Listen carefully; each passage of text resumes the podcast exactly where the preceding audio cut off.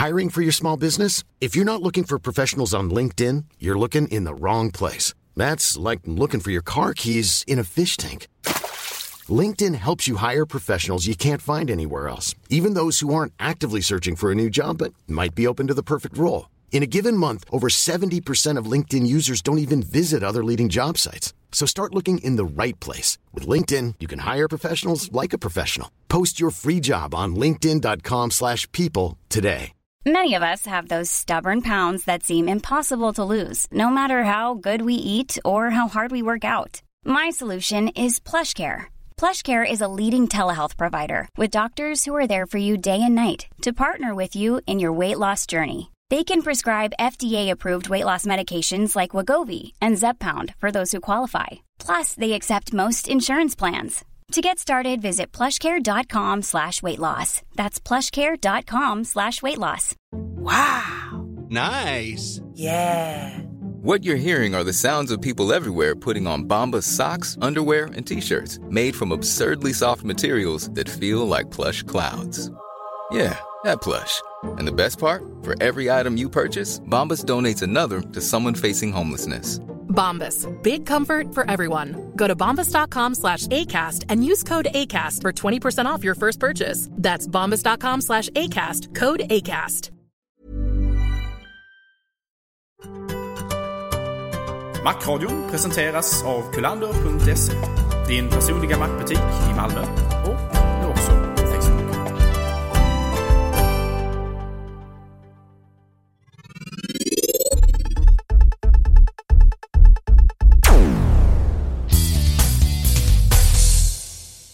Då var Macradion tillbaka efter ett par veckor av uppehåll och det har hänt en hel del roliga saker. Framförallt så har ju vi vunnit Svenska poddradiopriset 2009 i hela tre kategorier. Och det är bästa teknik och vetenskap, bästa originalkanal och bästa amatörkanal. De kallar oss alltså amatörer, Gabriel. Hm. Skämt åsido, även andra plats i bästa svenska kanal. Enbart slagen av P3, Din mamma. Eller vad heter de? Mammas nya kille heter de.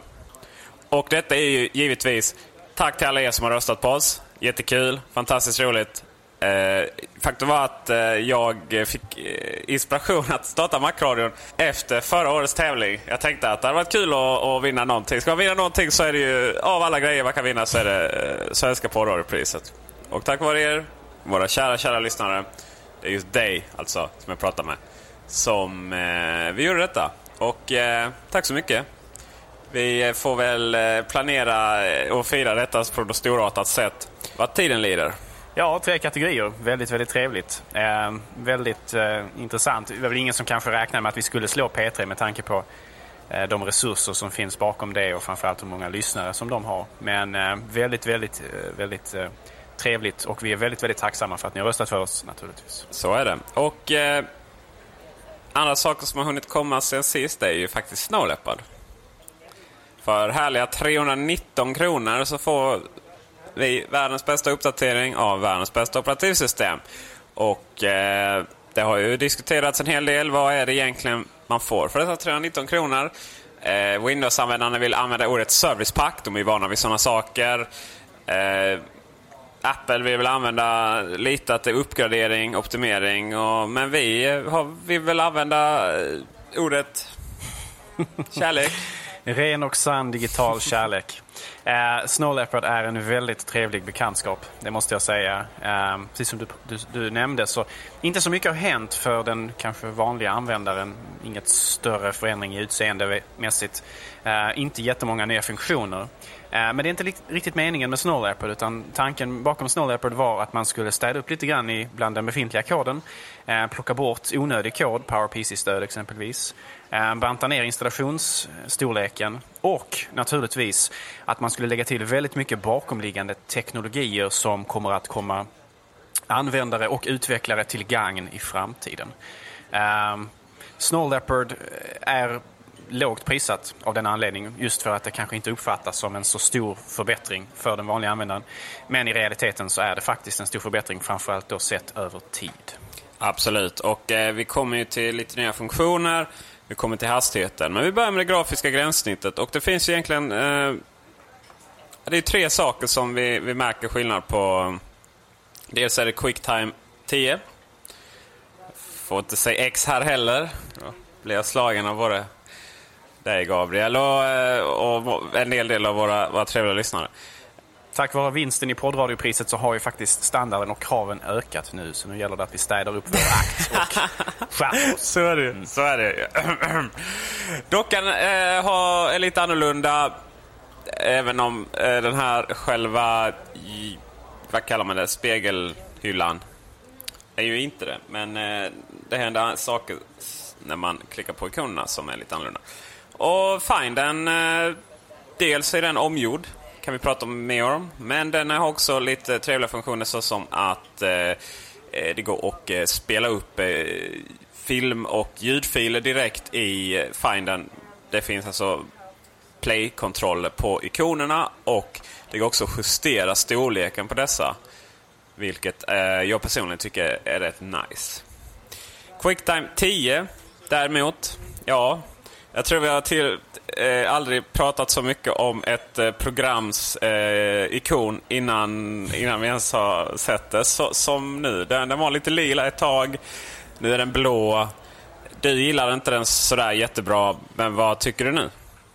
Ja, min, min, min initiella, mitt initiala intryck har inte egentligen förändrats. Den känns lite som den inte hör hemma i dockan utseendemässigt.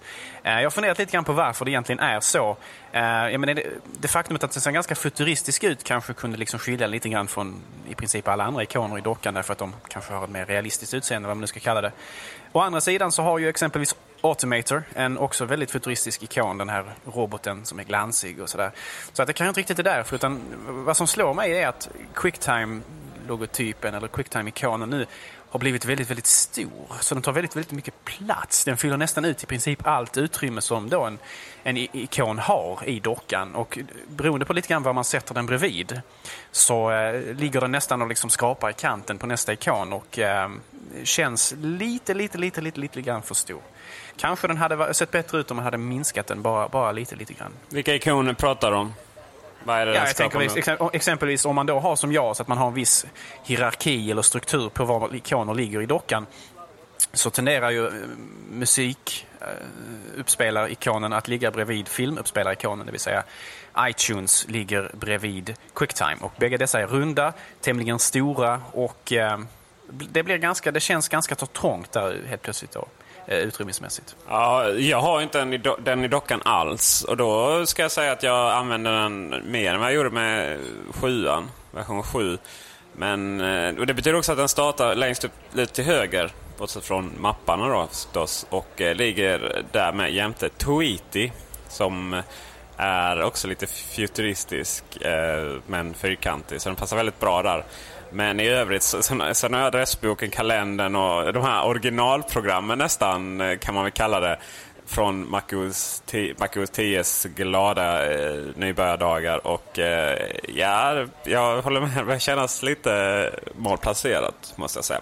Jag kan, jag, kan, jag kan tycka att ikonen i sig, alltså om man tittar på liksom abstraktionen i ikonen så, så är den ganska så, det, det är en förbättring mot den förra. Därför att den förra ikonen då hade man då, då, då, då, fanns det en del av ikonen som, som symboliserar eh, urtid, eller klockvisaren, alltså, som, som gick i en riktning då ifrån mitten sett. Och, och så fanns det en då som, som, som stack ut på nedansidan som symboliserade att det var ett Q då. Eh, Så Q och eh, klockan då blir quicktime såklart. Va? Nu har man då satt ihop dem till ett så att den, den delen av ikonen som både indikerar att det är en, en klocka och den som samtidigt löper ut till att visa att det är ett Q har blivit samma sak. Och jag tycker det ser bättre ut och känns liksom mer elegant om man ska säga så. Men just utförandet, kanske att den är lite för stor, den känns lite för tung.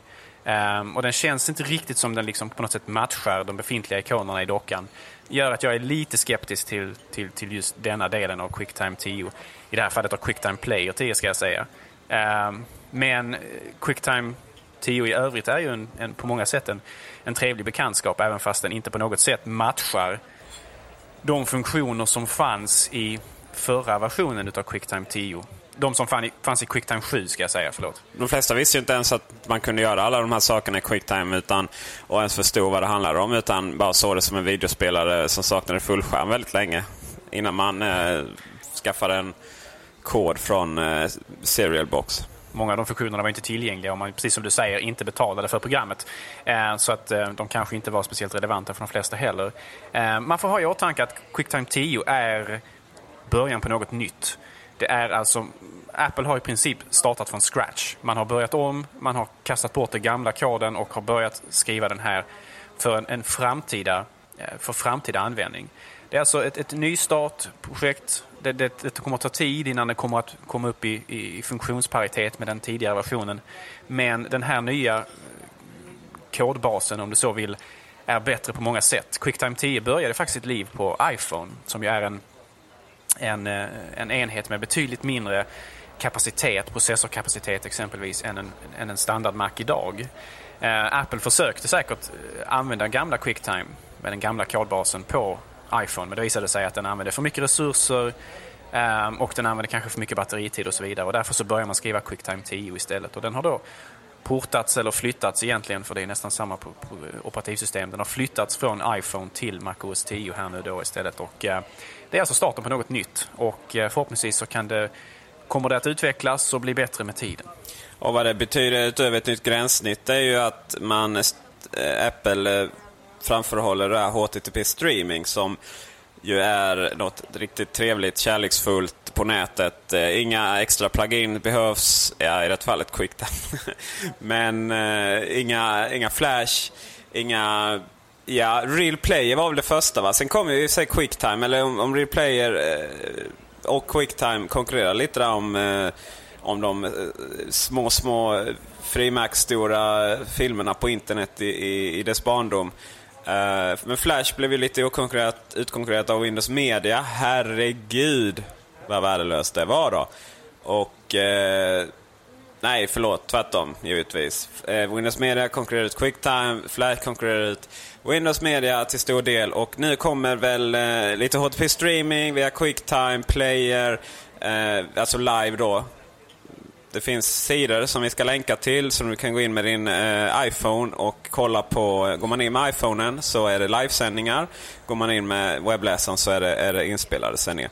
Och eh, sen har vi det här med att eh, Går man in på apple.se, apple.com, trailers, så, och klickar igång eh, en, i nederdelen där så klickar man igång en eh, film. Och eh, högerklickar ni då så ser ni det finns inga inställningar för några quicktime plugins, det finns inga inställningar för någon flash. Utan den kör direkt i eh, spelaren, eller direkt via webbsidan. Och sen kontrollerna påminner då om quicktime player 10-kontrollerna. Eh, I övrigt eh, så är ju quicktime player X så jävla snyggt. I, övrigt så, I övrigt så är ju quicktime player 10 så jävla snyggt också anpassar sig väldigt bra efter vad det är man ska göra. Tittar, tittar vi på en film så är det bara filmfönstret. Jag vet att du i och för sig är så jävla glad över de rundade kanterna där, Gabriel. Men ja, eh, det kan du ha. Och eh, nu när vi sitter här och gör en ljudinspelning så är det bara ett litet, litet fönster med eh, som vi ser. Eh, vi kan välja vad vi vill ha, kvalitet, hög, maximal, vilken mikrofon vi vill ha och sen så kan vi vad vi ska spara. Och det är de inställningarna som finns. Eh, det finns inga övriga inställningar eh, just för ljudet. Alltså det finns ingen egen inställningspanel i programmet. Eh, när vi kollar på film så, så går det att eh, putsa, heter det. Eh, alltså ta vissa klipp och sen ladda upp till Youtube om vi vill. Eh, så där kommer de inställningarna fram. Sen ska det sägas att jag försökte det igår och det vart ju inte så jävla smidigt för att Youtube har en officiell officiell eh, maxlängd på 10 minuter och eh, mitt klipp som jag spelade in igår som för övrigt handlar om iTunes finns på ilove.nu just nu. Just nu? Oj, ja, vad jobbigt det blev där. Eh, så eh, ja, då var den 10 minuter och 11 sekunder och ja, då vägrade den göra det sådär i sann Apple-stil. Det finns ingen, ingen valfrihet där. Eh, medan jag laddade upp det på Youtube själv så, eh, så gick det bättre. Men vad jag vill komma till är att eh, Quicktime, eh, som vi också har sett lite i iTunes, som, som vi också återkommer till, eh, att inställningarna är där, där man Eh, jobbar för stunden, inte en egen centraliserad panel. Eh, är det någonting, Gabriel, som vi har sett mer av eller det, har det börjat precis nu? Jag vet faktiskt inte om det här är en, en ny tendens från Apple, att just att man lägger alla inställningar på själva spelaren eller i menyn, eh, alltså i menylisten, istället för att ha ett, ett inställningsprogram. Eh, det kan ju vara så att det helt enkelt inte hanns med att göra en, en användbar inställnings, eh, eh inställningsfunktion Eh, och att eftersom det inte finns så mycket funktioner just nu i QuickTime 10 så kanske det inte heller har behov, varit behov av det men att i framtiden det kanske kommer att dyka upp istället. QuickTime är det enda programmet vad jag vet från Apple som inte har någon som helst inställningsmöjlighet. Det är möjligt att det kanske finns någon annan, kanske Chess, jag vet inte, jag har aldrig varit inne och rört där. Men, men, men i princip alla andra program åtminstone har ju möjlighet att göra de här justeringarna och inställningarna. Eh, och eh, QuickTime 10 då saknar detta faktiskt. Det som Peter pratade om tidigare, det vill, det vill säga att, att de har rundade hörn, det är också någonting som är jag, jag, har lite problem med det. Alltså, om man kör QuickTime 10 i ett fönster, alltså när man spelar upp en, en, film i ett fönster, så får filmen i sig rundade hörn så att den liksom skär av ett par pixlar i varje hörn på filmen när den spelar upp. Och alla fönster i MacOS 10 i övrigt har ju rundade hörn, men skillnaden då är ju naturligtvis att Ehm, de rundade hörnen sitter på själva fönstrets ram, inte på fönstrets innehåll. Men i QuickTime 10 när man kör en film i ett fönster så ligger ju också ramen över filmen. Så att eftersom ramen ska ha rundade hörn så får filmen det också. Ehm, och jag personligen är inte speciellt förtjust i det här, i det här valet som Apple har gjort då att göra det så. Jag hade ju hellre sett att i så fall ramen tilläts ligga ovanför filmen så att filmen kunde ha fyrkantig form även i fönstret. Därför att när man kör i fullskärm så får man naturligtvis en fyrkantig film. Personligen tycker jag det är görsnyggt, som man skulle säga i Göteborg. Och eh, dessutom så, ja, fullskärm är ju fullskärm och fönster är ju fönster. När man kör fönster så gör man det för att man, för, för att man vill ha det eh, lite i bakgrunden kanske, samtidigt som man gör någonting annat. Men då kommer en annan grej som jag kan irritera mig till döds på. Som, det kan ju vara så att jag är inkompetent och inte har hittat det. Men jag vill gärna ha fönstret alltid överst. Så att eh, om det helt plötsligt skulle klicka upp någonting annat ovanför den så hamnar det under.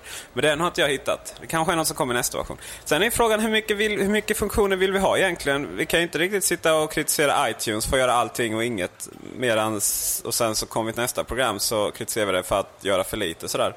Vad va vill vi eh, vad va vill vi egentligen med QuickTime Player då?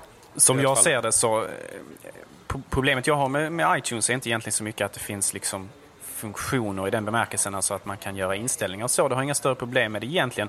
Alltså, min, min, min, kritik av iTunes har alltid varit att den gör för mycket. Liksom. Den sysslar inte bara med film, eller förlåt, inte bara med musik, utan den sysslar med allt möjligt annat. Film, podcasts, inställningar, synkning och så vidare. Alltså, den gör för mycket på det planet. Men sen att Quicktime då, som, som sysslar med film, som spelar upp och, och spelar in, eh, film exempelvis. Då, att, att den har inställningar relevant för det ämnesområde som den är avgränsad till att, att, att syssla med. Det har jag inga problem med alls och det är någonting som jag hoppas att det kommer att komma också. Eh, men om man, är, som jag pratade om tidigare här med det runda hörn, om man inte är så förtjust i de rundade hörnen så har det alltså dykt upp det var någon snubbe på Macrumors forumdel som hade grävt fram att man kunde eh, köra lite terminal-kommandon eh, då för att faktiskt få tillbaka fyrkantiga hörn i ett fönster. Eh, och finns vissa andra inställningar man kan göra också som, som inte är möjligt grafiskt i programmet. Exempelvis att, att filmen spelar upp automatiskt när du öppnar den. Vilket jag tycker är liksom rätt så naturligt att den gör om man öppnar en, om man öppnar en film i Quicktime. Om man dubbelklickar på en film i Findern och öppnar den i, i Quicktime så ska den börja spela tycker jag. Och då kan man göra det, det här, den här inställningen via just ett, ett terminalkommando. Och vi kommer att Eh, posta antingen en länk till den här, de här kommandona eller lägga upp kommandona på macradion.se när vi har publicerat detta avsnittet.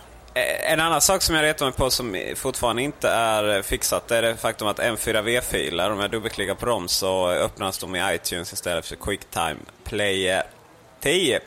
Eller någon annan Quicktime Player för den delen. Man kan ju faktiskt installera 7 om, om det behövs. Och eh, det är lite synd Eh, givetvis så går det att ställa om detta genom att trycka på Apple i, eh, det vill säga Apple information på filen och sen öppna med och så vidare. Men jag fattar inte varför i hela friden systemet från början har att den ska öppna M4V-filer i iTunes. För det är inte så att den öppnar iTunes och börjar spela dem, utan den öppnar iTunes och börjar importera dem. Riktigt irriterande. Men I det här landet är vi inte så vana vid att ha filmer och tv-serier i iTunes, tyvärr. Om det skulle vara så att, eh, för övrigt, att Quicktime Player 10 har problem med att spela upp era surround-filmer, rippar via handbrake eller, av and- eller MKV-filer, eller ja, andra saker sådär. Då gör ni också äppel, eller kommando, eller runsten kan man väl säga, eller höger musknapp på dem och trycker... Kringla. Kringla, okej. Ja, fast det är ju en runsten, det vet vi ju. Ja, men Svensk i, i, i Mac-parlör så kallar vi det för kringla. Kringla Q, då stänger man programmet. Okej, okej, okej. Eh, och sen så trycker ni på kör i 32-bitars. finns en liten, eh, får jag säga kryssruta? Är det, är det legitimt i parlör? Tack, tack. Eh, klicka i den och sen så bör det fungera. För då är det pluginsen som avaktiveras i 64-bitars. Det är de som följer med Perian som ni installerar när ni vill köra massa trevliga filmer som ni har fått från Gud vet var. En lösning på problemet, men kanske inte en speciellt elegant lösning Nej, det är det ju verkligen inte. Sen, ja, för mig så 32-bitars eller 64-bitars, jag menar snacka om och ja, minimjölk eller lättmjölk. Spelar ingen roll i stora sammanhang. Vi har ju suttit här nu och pratat en hel del om Quicktime eh, Player 10 och Quicktime 10. Ehm, mitt intryck överlag är positivt och jag är väldigt nöjd med att Apple har tagit det här steget att göra något nytt och att liksom göra sig av med det gamla eh, och, och starta på en ny kula. Men det innebär vissa problem. Eh, Quicktime 10 är inte en buggfri ett, Quicktime Player 10 är inte ett buggfritt program. Eh, för en vecka sedan ungefär så försökte Peter och jag faktiskt spela in detta avsnittet som vi nu försöker spela Det var in ett igen. bra avsnitt får jag säga alltså. Det var ett riktigt bra avsnitt. Vi hade 60 minuters prat om bara Snow Leopard, märk väl. Ehm, det var alltså innan iPod-eventet som vi pratar om lite senare i det här programmet. Ehm, vi hade mycket prat och det var mycket eh, intressant, även för, givande för mig och Peter.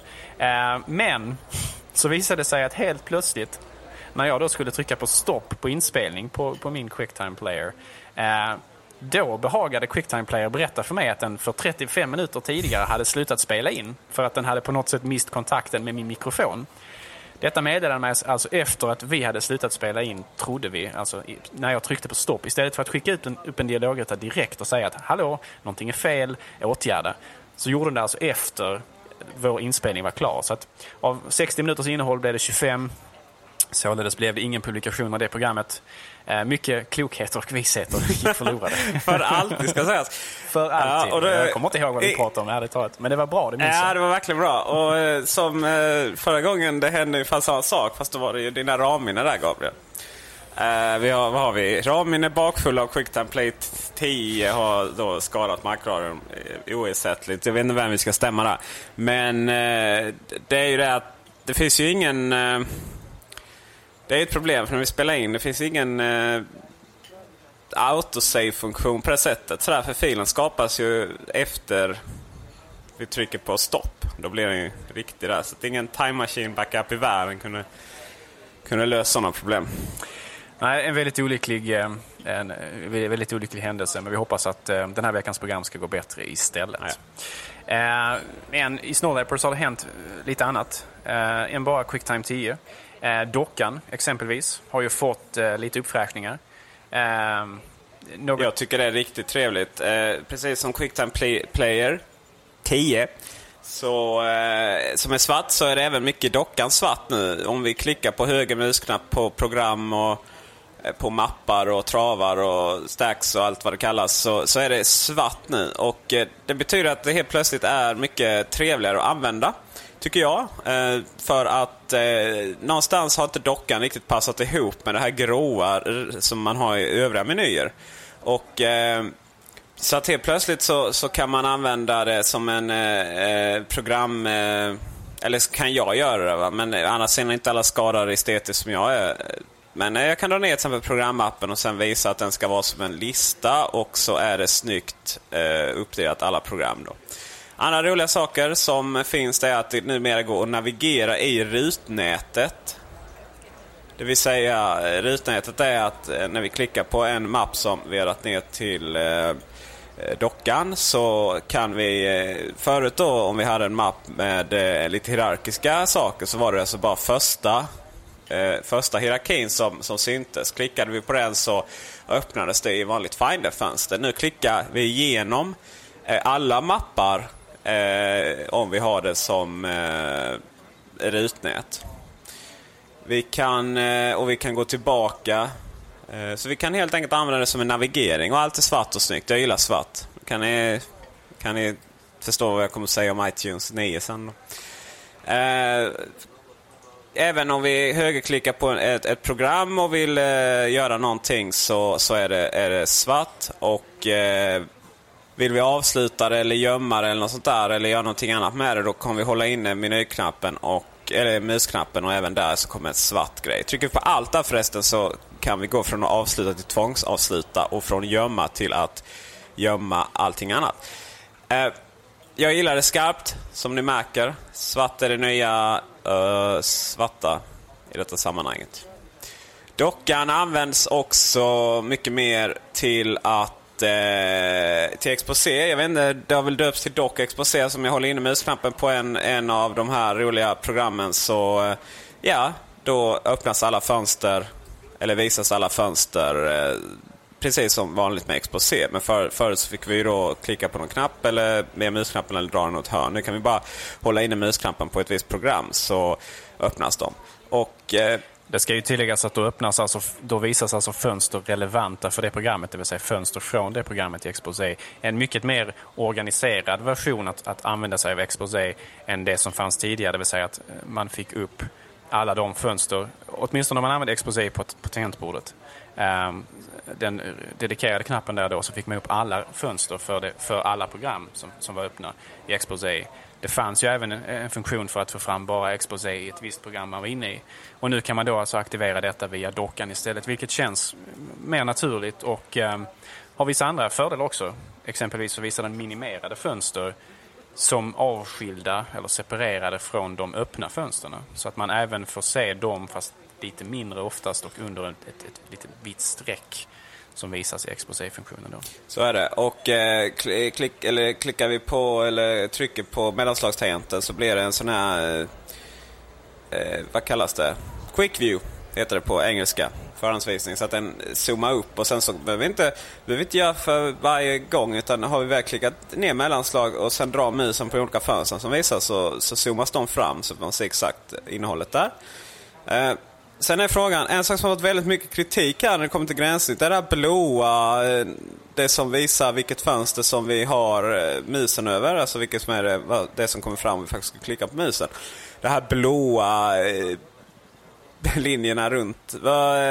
Det har varit väldigt mycket folk som har varit väldigt kritiska till detta. Vad känner du där? Jag har inte alls läst vad argumenten för, eh, eller ska jag snarare säga argumenten emot. Att det är fult? Att det är fult, bara rent estetiskt. Ja, det mm. kanske man kan tycka. Eh, blått är ju generellt sett den färgen som indikerar ett val i MacOS 10, så det känns ju inte helt eh, konstigt att det faktiskt gör det även i det här fallet. För på något sätt så det räcker ju i exposéläget att man har muspekaren över ett fönster för att kunna interagera med det utan att klicka. Ehm, precis som du säger, genom att göra ett mellanslag även för det fönstret som står upp det exempelvis. Så jag tycker det känns ganska naturligt att den har den röda färgen. Sen om det är estetiskt tilltalande eller inte, det är naturligtvis upp till varje enskild användare. Men jag tycker att det ser bra ut. Mm. Eh, det kommer från Apple TV tror jag. Där är det ju blå som inte markerar vad man aktivt utan faktiskt bara en estetisk grej på menyn för att visa att den går utifrån eh, bakgrunden. Eh, ah, ah, det går alt-tabba och tabba i eh, Exposé. Så att om man aktiverar Exposé ett program och sen tabbar så, eh, så går den då eh, över de aktiva programmen i dockan. Klickar vi alt-tab så kan man då hoppa över nästa program. Eh, jag har gjort en liten videoguide på detta så den länkar vi in på faktiskt. Eh, det som jag inte visste, som du sa nu, det var att eh, även minimerade fönster visas under det vita strecket. Och det hade jag faktiskt ingen aning om. Så tack för den tipset. Den är inte med i den videoguiden. Det är verkligen bra. Jag måste säga att jag tycker det är en jättebra förbättring. Jag kommer inte riktigt ihåg i gamla Exposé om de visades överhuvudtaget. Jag tror faktiskt inte de gjorde det utan det var bara aktiva fönster som visades då. Tror också det, Öppna ja. fönster ska jag säga. Men det är en klar förbättring. Sen så har man också möjlighet att sortera i exposéfönster via kringla 1 och kringla 2. Yeah. Eh, olika sorteringslägen där så att man kan få dem i olika Det är antingen via sen... program eller bokstavsordning. Just det. Eh, och eh, en väldigt trevlig funktion också. Sen så tycker jag överhuvudtaget att exposé-funktionen har blivit mer strukturerad. Alltså fönstren tidigare i Exposé hamnade liksom överallt. Det blev liksom huller om buller. Och Safari-fönstret kunde vara i ett hörn och ett annat hörn och sen så var det några fönster däremellan och så. Men nu är det mer strukturerat. Ehm, och det, fönstren de, ligger, de följer en viss linje i själva exposéfönstret som, som gör att det ser mer eh, organiserat ut och jag tycker mer, strukturerat och trevligare överhuvudtaget att arbeta med. Så att jag tycker också det är en, det är en klar förbättring att man har ehm, styrt upp lite grann så att det inte är lika rörigt i exposé längre. Men det finns de som tycker det suger och eh, om ni vill länka då till den här videoguiden som jag har spelat in från detta avsnittets eh, lilla inlägg då på macron.se. I den länken, eller i kommentarerna till den videoguiden så har Adrian från, eh, ja han har, eh, som ligger bakom eh, ifan.se och är moderat på 99 Mac tror jag också. Han har eh, jo, ska, eh, kommenterat med lite länkar till varför det är exposé värdelöst. Så att, lyssna inte bara på oss, utan gå in där och läs också. Ser fram emot att få ta del av. Eh, en annan intressant eh, ny funktion i, eh, eh, i dockan som kanske lätt, lätt att man missar. Det är att man i inställningarna för dockan, alltså om man går in i Apple-menyn, systeminställningar och dock, så kan man faktiskt göra så att dockan inte bara, eller inte längre, minimerar fönster Ehm, så det hamnar till vänster precis som papperskorgen. Tidigare eh, versioner av Macros 10 så när man minimerade fönster så hamnade de bredvid papperskorgen. Eh, och det gör de även standard nu. Eh, och då har man då många fönster som man minimerar så blir det en väldigt lång rad med fönster där som tar kanske ganska mycket plats. Och nu finns det alltså en inställning man kan göra i dockan, eller till dockan, där man istället minimerar fönstren till den relevanta programikonen så att de inte syns i dockan förrän det är att man faktiskt kallar fram dem. Ehm, och det tycker jag är väldigt bra. Först och främst därför att det är liksom pedagogiskt. Det visar vart fönstret hör hemma och tar vägen. Ehm, och samtidigt så på något sätt så, så, tar det inte lika mycket plats i dockan så att inte man får en enorm docka om man nu minimerar väldigt mycket fönster och sådär. Ehm, och speciellt då om man går in i, om du på, på, ett rent, på, en rent, på ett rent estetiskt plan, om man går in i dockinställningarna eh, och justerar så att den här animationen går från att vara den så kallade eh, genie animation, alltså den här anden i flaskan där fönstret sugs ner, till att, till att vara den här animationen där, där fönstret liksom skalas ner istället så att det går ner skalenligt hela vägen ner till dockan. Eh, så tycker jag det ser väldigt, väldigt bra ut rent estetiskt när den landar väl på programikonen. Kan se lite sådär halvlöjligt ut när den när det liksom byggs upp nere i på ikonen eller under ikonen i dockan när man kör den här Genie-minimeringen. Eh, Men just skalen-minimeringen, då, då, ser det faktiskt väldigt bra ut. Det blir väldigt estetiskt tilltalande. Faktiskt, och eh, jag har faktiskt aldrig använt eh, minimera på det sättet för att jag alltid tyckte att det var fult att ha grejer nere längst ner till höger. Eh, jag har alltid använt eh, kommando eller kringla eller runsten H som jag göm. Och eh, en annan sak eh, som gjort att jag inte använt det här med minimera är till exempel i mailen, om jag, om jag, så är det säkert de andra programmen också, men jag märkte just i mailprogrammet mail.app, det vill säga Apples mailprogram, att eh, om jag har minimerat ner någonting till dockan och sen så, eh, eller så aktiverar jag ett annat program och eh, går jag då tillbaka till mail, ja då eh, så ska den tvunget köra upp igen. Eh, det här minimerade mailet. Jätteirriterande. Eh, så är det inte nu längre utan eh, har jag minimerat något ner till eh, dockan här då måste jag hålla inne knappen på mail så att exposé kommer upp och då ser jag det här minimerade under det vita strecket. Så att det är kärlek. Det gillar vi. Skarpt. Dockan i och med Leopard förlorar ju viss funktionalitet vad gäller just minimera. För tidigare versioner utav dockan hade ju möjlighet att exempelvis fortsätta spela upp filmer i själva det minimerade fönstret från Quicktime exempelvis när man minimerade det så att man kunde fortfarande ha en visuell koll på var i filmklippet som man låg. Eh, det försvann i och med den nya dockan i Leopard och den funktionen har tyvärr inte kommit tillbaka i och med Snow Leopard heller. Så att just när man minimerar ner och inte har det då minimerat på programikonen utan när det minimeras ner till dockan bredvid papperskorgen så ser man fortfarande inte filmen spela upp längre. Och det är lite synd för det var ett ganska så gulligt sätt att uh, dema just de här minimeringsfunktionerna för uh, icke-Mac-användare tidigare. Så den, den, funktionen saknar vi och hoppas vi att vi får tillbaka. Det är det ingen aning om faktiskt. Jag har faktiskt ingen aning om att det var så att det spelades upp. Uh, helt nytt. Det gör ju det där mot uh, Direct to Finance som vi nämnde innan. Hoppas det var rätt avsnitt, inte förra. Jo, det var rätt avsnitt. det stämmer. En, en, en förbättring inom som jag inte kanske är sådär speciellt nöjd med egentligen exempelvis när man spelar upp filmer i Finden så är det bara egentligen relevant om man har ikonerna väldigt stora, eller åtminstone relativt stora, vilket ju också förklarar varför man har gjort den här förändringsslidern, alltså själva justeringsspaken, så pass tydlig så att man lätt kan justera storleken på ikonerna. Men, men att behöva gå ner där och göra det för att titta på en preview på en film så att man ser den i, i någon relativt stort format, eh, känns sådär. Sen så gillar jag inte det faktumet att den tar ju upp liksom eh, en stor del av själva ikonen för programmet, eller symbolen för programmet, vilket innebär att om man försöker då bara markera programmet så är det lätt att man liksom kickar igång den här previewn istället. När man, kanske inte, när man försöker markera filen så kickar den lätt igång previewn istället. Ja, jag har gjort som vana redan tidigare att när du markerar så drar jag från en tom fält och sen över. Eh, så det är ingenting som jag tänkt på. Men eh, allting är ju vana ju. Om man markerar flera så är det ju relevant, men om man bara markerar ett så har jag alltid bara liksom tryckt på med, med muspekaren en gång på den, den, på den symbolen. Och nu finns det alltid risk att man startar en preview som man kanske inte egentligen ville ha. På tal om att markera grejer så har jag märkt att eh, i mail, om jag har flera mail, jag jobbar och försöker ju ha så liten inbox som möjligt. Om jag har flera mail och jag ska eh, dra om jag markerar översta eller, och ska dra det till eh, arkiv, eh, då måste jag verkligen dra väldigt mycket åt höger. För att om jag håller inne musknappen och drar ner över alla mejl, då markeras de. Det är också något nytt tror jag i senaste. Väldigt konstigt faktiskt. Eh, så jag behöver inte eh, jag behöver inte hålla inne någon annan knapp. Utan jag bara, jag bara helt enkelt ja, dra, trycker musknappen och sen eh, för musen neråt så markeras alla dem istället för att flytta irriterande om man inte vill göra det. Mindre irriterande om syftet är att faktiskt markera flera. Innan vi går vidare till eh, sektionen nya funktioner eller eh, ja, någon form av vad kan man kalla det, hybrid mellan sektionen grafiska gränssnitt och nya funktioner så har vi ju Finden igen. Och eh, den är omskriven. Jag som inte ens kan knappt HTML-kod längre. Vad menas med detta min kära kollega? Jag som inte vet något om programmering heller ska tydligen svara då. Jag får väl försöka fantisera fram ett rimligt svar. Uh, Coco är ett sätt att programmera för MacOS 10 som är det sättet som Apple har velat att man ska använda från början. Det finns egentligen två sätt att programmera och då menar jag inte uh, det grafiska gränssnittet på program ska jag säga. Att, att framställa det. Antingen så kunde man använda Coco eller Carbon. Carbon baserades på gammal teknik från Mac OS 9 och tidigare eh, och eh, skulle då öka kompatibiliteten med program som var skrivna för det gamla Mac OS till det nya. Eh, och, Car och Coco är då det, det, som följde med från Next-tiden, alltså när det hette Next Step.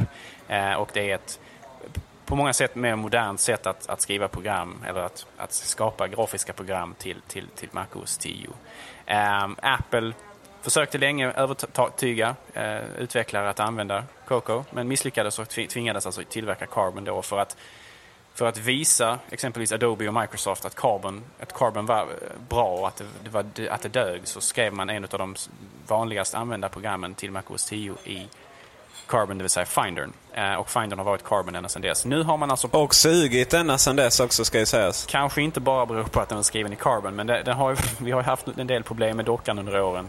Eh, och en del saker som borde varit där finns där inte och det finns där fortfarande inte. Exempelvis möjligheten att ladda upp och ladda ner via FTP. Eh, ladda ner går bra, men inte ladda upp. Det bara känns eh, ja, ufo. Men eh, nu har de skrivits i Coco. Eh, skillnaden för användaren är väldigt, väldigt liten egentligen. Men man har fått lite sådana här snassiga animationer och så vidare i, eh, i, eh, i Findern då, som man, när man gör fönstret mellan de två lägena. Alltså det fönstret som bara visar en, som bara precis visar mappen och fönstret som då visar mappen med den här sidolisten med de olika hårddiskarna och så vidare. Om man trycker på den knappen längst upp till höger i fönstret då så, så får man se en liten animation som fönstret växer och, och krymper.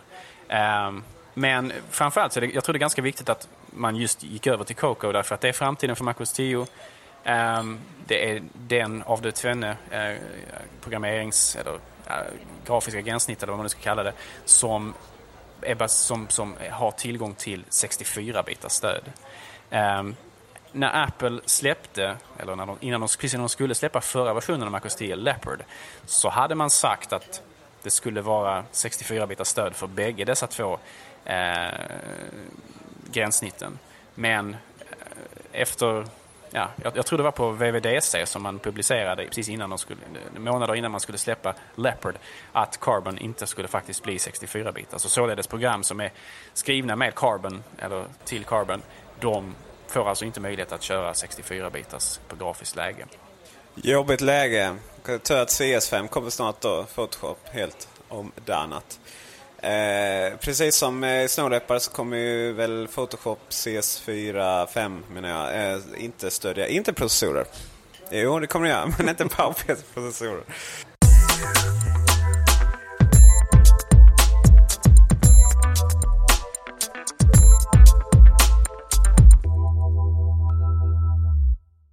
Och eh, på tal om processorer då så har vi ju fått en ny väldigt intressant funktion i Snow Leopard som heter Grand Central Dispatch. Ehm, en funktion som ehm, ska möjliggöra för utvecklare att eh, kunna lägga ut arbetet från sina program, alltså de beräkningar som behövs göras på flera processorer och framförallt flera kärnor på dessa processorerna. Eh, jajamensan. Jag tycker personligen att processorer absolut inte är det sexigaste på jorden alls. Eh, jag minns på gamla Macnytt-tiden, min kollega Henrik Vanheden. Han gjorde långa artiklar om Intels, eller förlåt, det var inte så mycket Intel då, det var i slutet eventuellt rykten. Men Eh, G4 och G5 roadmaps och så vidare. Va? Men eh, vad jag däremot är intresserad av är att eh, alla program jag har i framtiden förhoppningsvis kommer ta del av mina fyra kärnor på min Mac Pro. Ah, där fick jag det sagt också. Jag kommer antagligen relatera till min feta skärm också i iTunes-avsnittet här. Eh, fast det är snarare negativt i det fallet.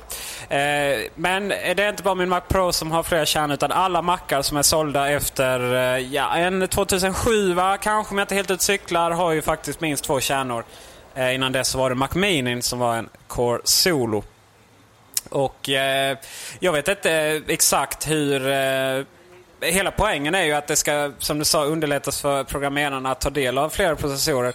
Sen eh, om det är bara att klicka på en extra knapp eller något sånt där, det har jag faktiskt ingen aning om. Vad jag vet är dock att eh, Apple har ju släppt det som open source också nu, eller någon form licensiering som säkerligen gör att det här kan bli jätteintressant på mm, mer än i Mac-världen kanske? Jo, precis. Det är väldigt, eh, väldigt, väldigt trevligt att Apple har gjort detta också.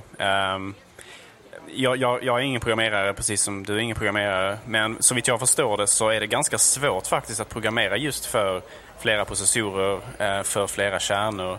Att liksom fördela arbetsbelastningen rätt. Och eh, tanken här då är att Grand Central ska åtminstone göra detta lättare. Sedan huruvida det fortfarande är lätt eller inte, det är en helt annan femma naturligtvis. Du som är lite historia av oss, eh, eller historieprofessor av oss två. Var det inte så att Apple släppte den första dubbelprocessorn? Var det G4 eller tillsammans med Mac OS 9? Eller var det tidigare än så? Är det något du har koll på? Jag vet att den första dubbelprocessordatorn i Mac-världen som släpptes, släpptes faktiskt inte av Apple utan av en av klontillverkarna. Jag kommer inte riktigt ihåg vilken av dem det var. Det kan ha varit Power Computing eller någon ja, av de, de andra. De andra två då, men... eller? mm, precis, men det var ju något av en, en, en, en, rätt så stor splash att de gjorde just det för att de hade då en plugin till, till Photoshop Eh, som möjliggjorde då att man använde fler processorer vilket innebar att de datorerna som de sålde var, sålde var betydligt snabbare än Apples eh, datorer som de kunde erbjuda. Lite som generellt bland klontillverkarna. För det var väl så att eh, det var väl inte före MacOS 10 som det blev riktigt fler processorstöd och inte ens då så funkar det i särskilt mycket, många program. Nej, precis. Gamla MacOS 9 och tidigare versioner hade, inte speciellt, eh, hade inget speciellt stöd för just att använda flera processorer egentligen. Utan det var bara i program med speciella plugins som detta faktiskt utnyttjades. Eh, som exempelvis då Photoshop som hade fått en plugin för detta, denna funktionen. Och då är det med World of Warcraft. Men eh, det är inte bara flera processorer från eh, den så kallade processorn som eh, används utan nytt är också OpenCL och likadant där. Eh, kunskapsluckorna om döma måste ju vara extrema här av oss två. Men eh, det handlar väl om att man helt enkelt kommer använda grafikkortets processor, alltså grafikprocessorn, till att göra beräkningar mer än att bara visa grafik. Och den är ju riktigt jävla UB-snabb på vissa saker medan den inte är så effektiv på andra. Då. Precis, så är det. Eh, den processen som sitter i datorn, den vanliga processen så att säga, det är mer av en allround-processor som gör väldigt många olika saker ganska bra då, ganska snabbt. Medan grafikchippet då är väldigt specialiserat. Det har liksom väldigt snävt användningsområde men å andra sidan så gör det det den gör väldigt, väldigt, väldigt bra och väldigt snabbt. Och kan man då bara liksom tygla den här kraften för att använda den till annat än bara grafik, vilket ju är då tanken med OpenCL att lyckas göra detta, då har man alltså väldigt mycket prestanda att vinna, eh, även på befintlig hårdvara. Och befintlig hårdvara, hur har du upplevt din eh, installation där? För att jag tyckte att Ja, varenda säkerhetsuppdatering, varenda uppdatering av Leopard är lite av en placeboeffekt sådär. Eh, att, att det blir, man tycker det är jättesnabbt. Och, och, och, och så var det ju särskilt i, i, i Tiger och, och, även tidigare så. Sådär, va? Vi satt och diskuterade på 99 Mac var det mycket och även på Macnytt. Och, att eh, oj vad snabbt det blev nu. Sen var det väl mer förhoppningar än annat. Det var på den tiden det, det knappt gick att dra i, i eh, vad heter det, fönsterikonerna. nej, fönsterkanterna utan att det hackar och sådär och gör dem större. Men eh, visst tusan är det mycket snabbare. Jag tycker att det är, även om Leopard var, var, var rappt sådär så eh, Nej, det är som en helt ny dator ändå faktiskt, utan att överdriva. Sen finns det då de som hävdar precis tvärtom, att den är långsammare. Jag vet inte riktigt om det är upplevt långsamt eller om det är att eh, de här benchmark-programmen inte riktigt är anpassade. Det brukar ju vara att, det brukar mer vara anpassning än verklighet på de där. Men å andra sidan så eh, till och med MacOS, jag tror MacOS 10.2 var det första jag hade på min iBook. Och eh, eh, på, på, i plugget då så kör de fortfarande MacOS 9.2 eller någonting. Det här världens buggigaste operativsystem av alla kategorier någonsin. Eh, eller det kraschar i alla fall. Eh, men det var ju vrålsnabbt. Herregud vad snabbt det var. Medan 10.2 på en G3 på 605, 600 MHz. Det var knappt så den kunde köra DivX-filmer. Eh, jo, den kunde, den kunde inte köra DivX-filmer förrän jag hade uppgraderat RAM-minnet från 256 till 512.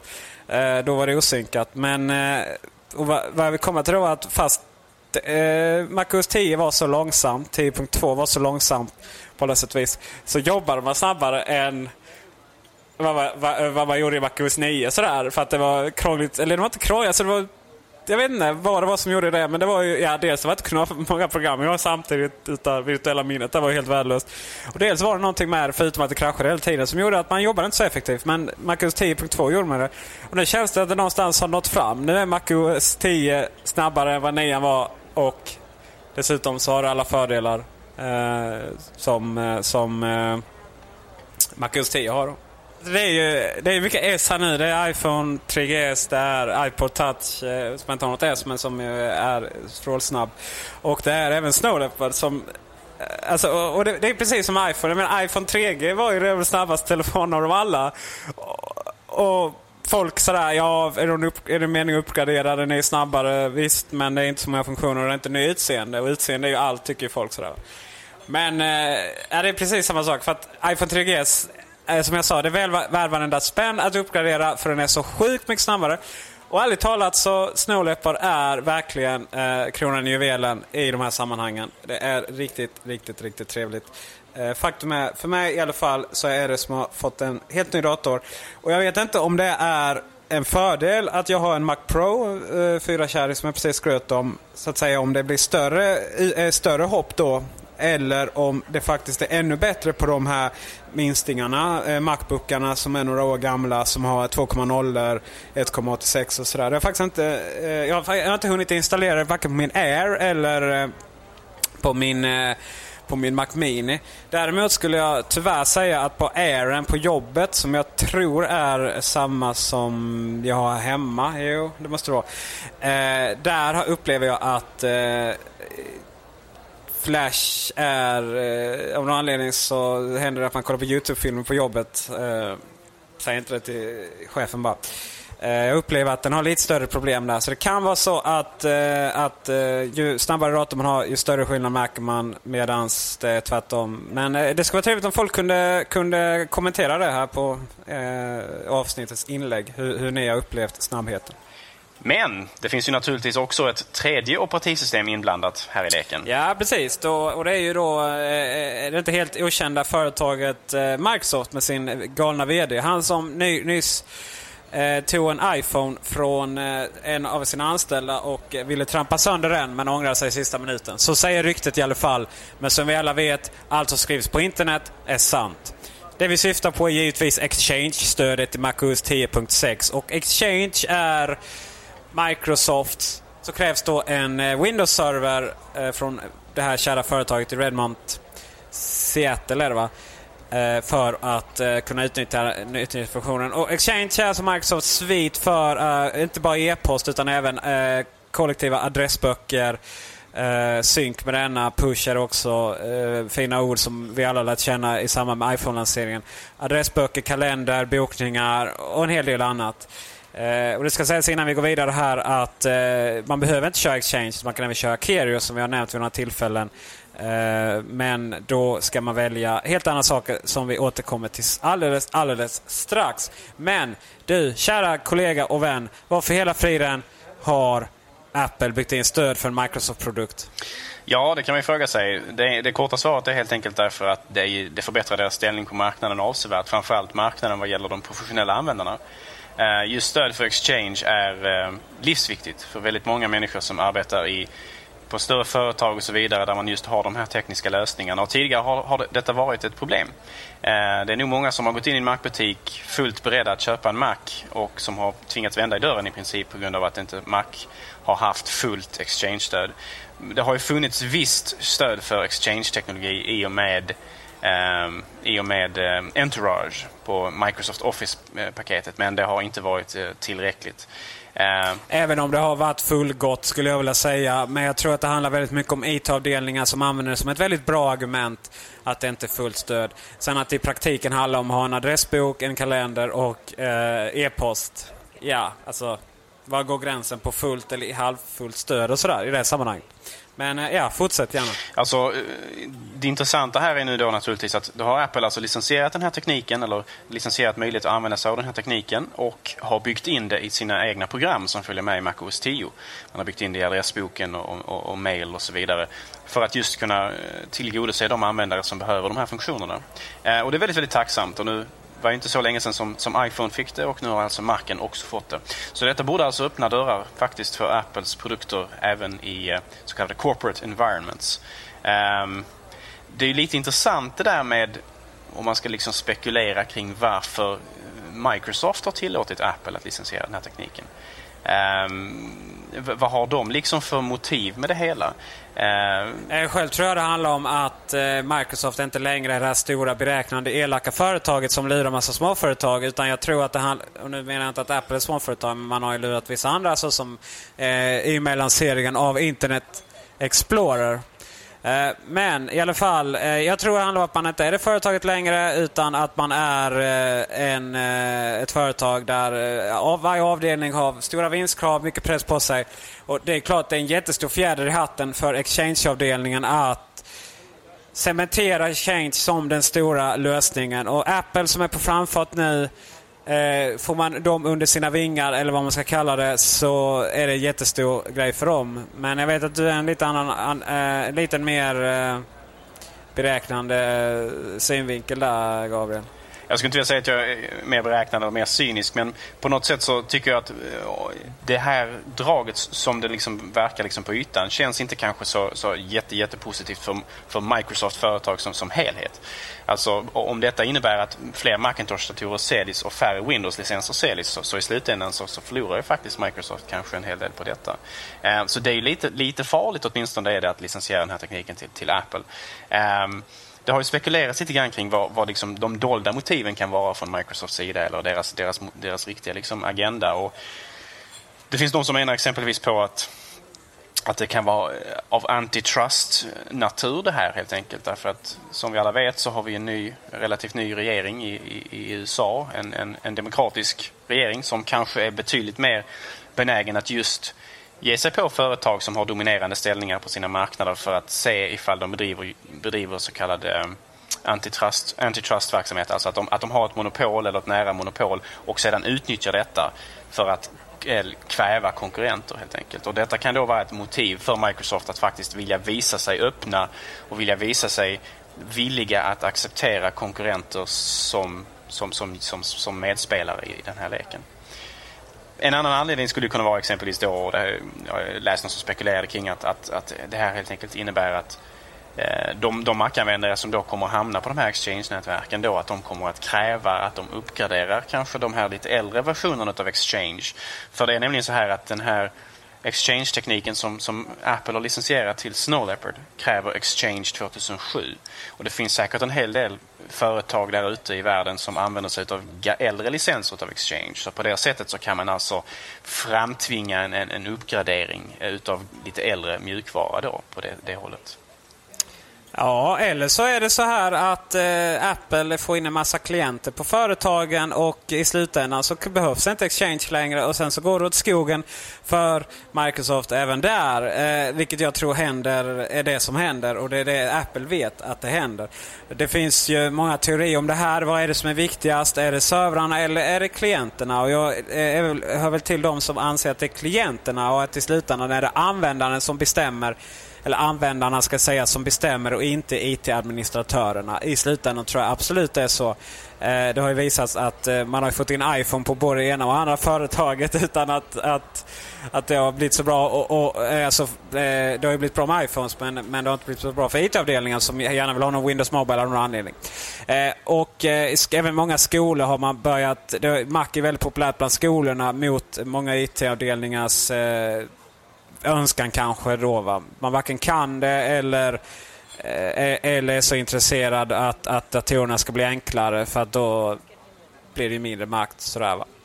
Eh, så att jag, jag, tror att från Apples håll så är man ganska beräknande att säga, eller är man nog ganska övertygad om att får man in många klienter sen så tror jag att även om jag vet Joakim Melinus som gjorde en recension av Snow Leopard Server på Mac Pro. Inte var så jävla, tyckte inte det var så jävla imponerande just push-funktionerna där.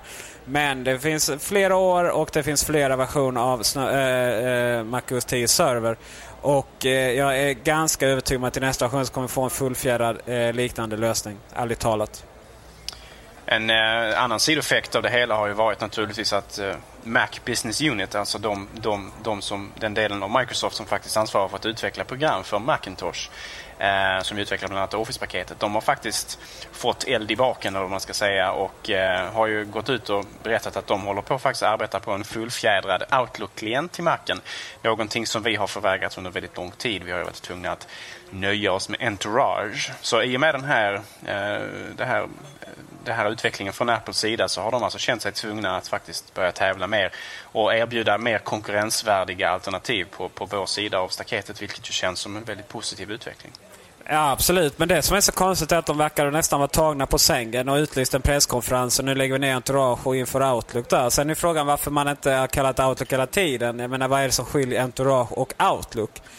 Och sen har vi, ja vi har ju PC-sidan är vi, vi, riktig förvirring. Vi har Outlook Express och vi har Windows Mail nu som var för Outlook Express. Ja, usch, herregud. Eh, och det är det jag menar är så konstigt då. Det är precis som att, att de olika avdelningarna på Microsoft inte pratar varandra i stil med ett, ett gigantiskt storföretag.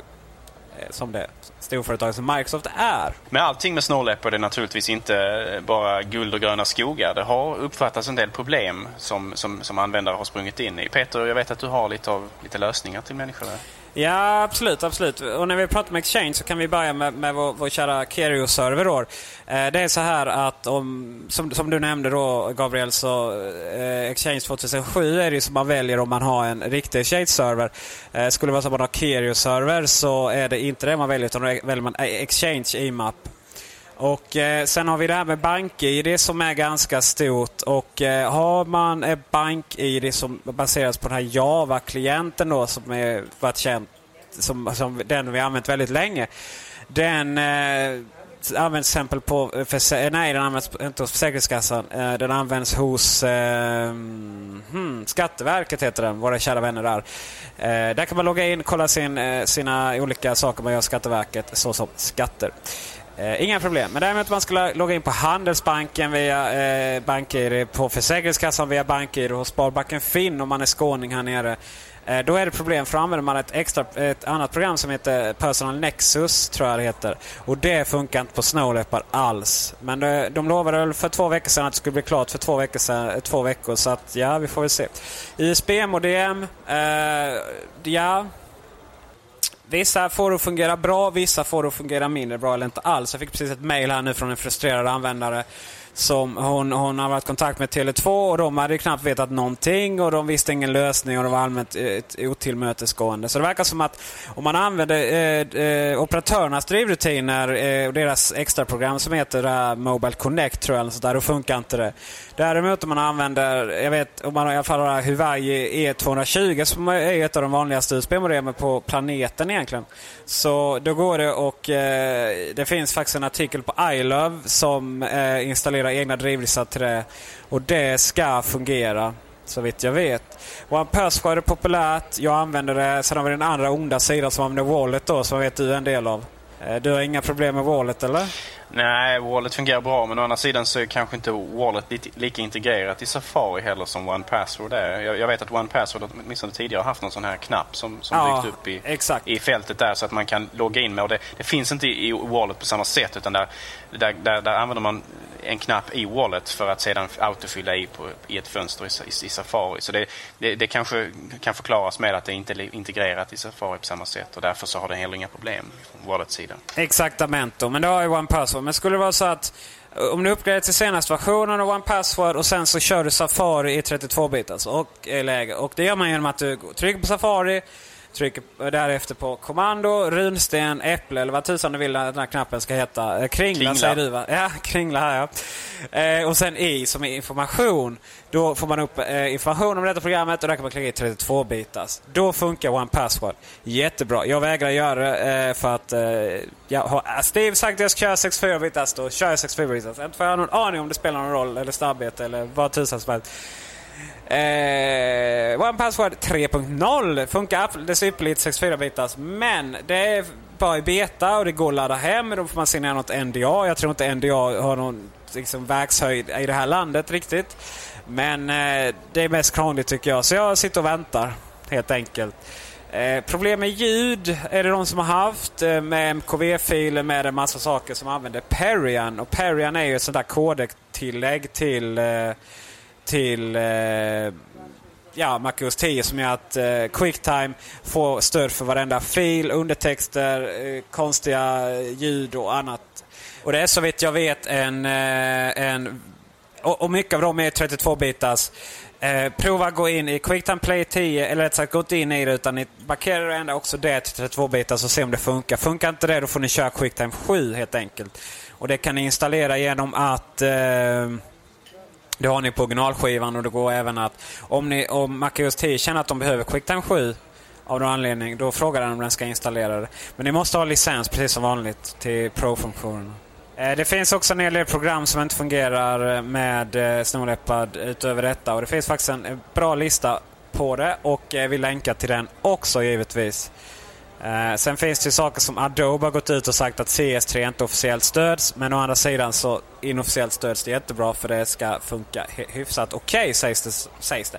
Men det är klart i en produktionsmiljö så vill man inte ha hyfsat utan man vill ha 100% säkert. Så det är där ni uppgraderar till CS4.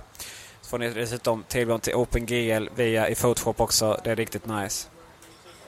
Eh, och eh, vi avslutar med dagens Leopardtips. Alt-tangenten är din nya vän. Tidigare har det gått att trycka på alt-tangenten på en rad saker såsom AirPod för att se bättre signal. Eh, eller med information om de olika basstationerna, på batteriet för att se eh, vissa saker. Och nu går det också även trycka på ljudet. Eh, och använder du alt-knappen, tryck på ljud, eh, ikonen längst upp där i menyn längst upp till höger någonstans. Så får du välja precis vilka in och utgångar du vill använda. Väldigt smidigt. Och precis som eh, vi vill att ni går och kommenterar i det här inläggets tråd om ni tycker att eh, Snow Leopard har gått snabbare eller kanske till och med långsammare än tidigare på era datorer så vill vi gärna att ni går in och kommenterar, Gå in och kommentera i tråden eh, vilka program som fungerar och inte fungerar. Och för alla er då som är intresserade av att kanske läsa lite mer om just Snow Leopard och kanske läsa lite fler recensioner så finns det naturligtvis en recension som står ut över alla andra som den man faktiskt bör läsa. Den definitiva recensionen av Snow Leopard är naturligtvis skriven av John Siracusa som skriver åt Ars Technica. Eh, John Siracusa har under väldigt många år följt Mac OS 10s utveckling från de tidiga betastadierna och hela vägen framåt till där vi är idag och hans recensioner är väldigt väldigt ingående. Eh, ur, sett väldigt mycket ur en, en utvecklare och en programmerares perspektiv. Men, och de är således också ganska tekniska men de är ändå väldigt intressanta även för, för lekmän som, som mig och Peter. Så det är något jag- varmt kan rekommendera.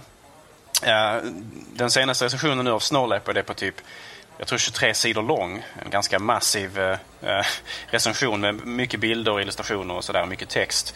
Eh, vilket ju är lite lustigt för om man jämför med de recensioner av Snow Leopard som har varit i andra medier eller snarare hos andra sajter som exempelvis Engadget och Gizmodo så är recensionerna på två, kanske tre eller fyra sidor max.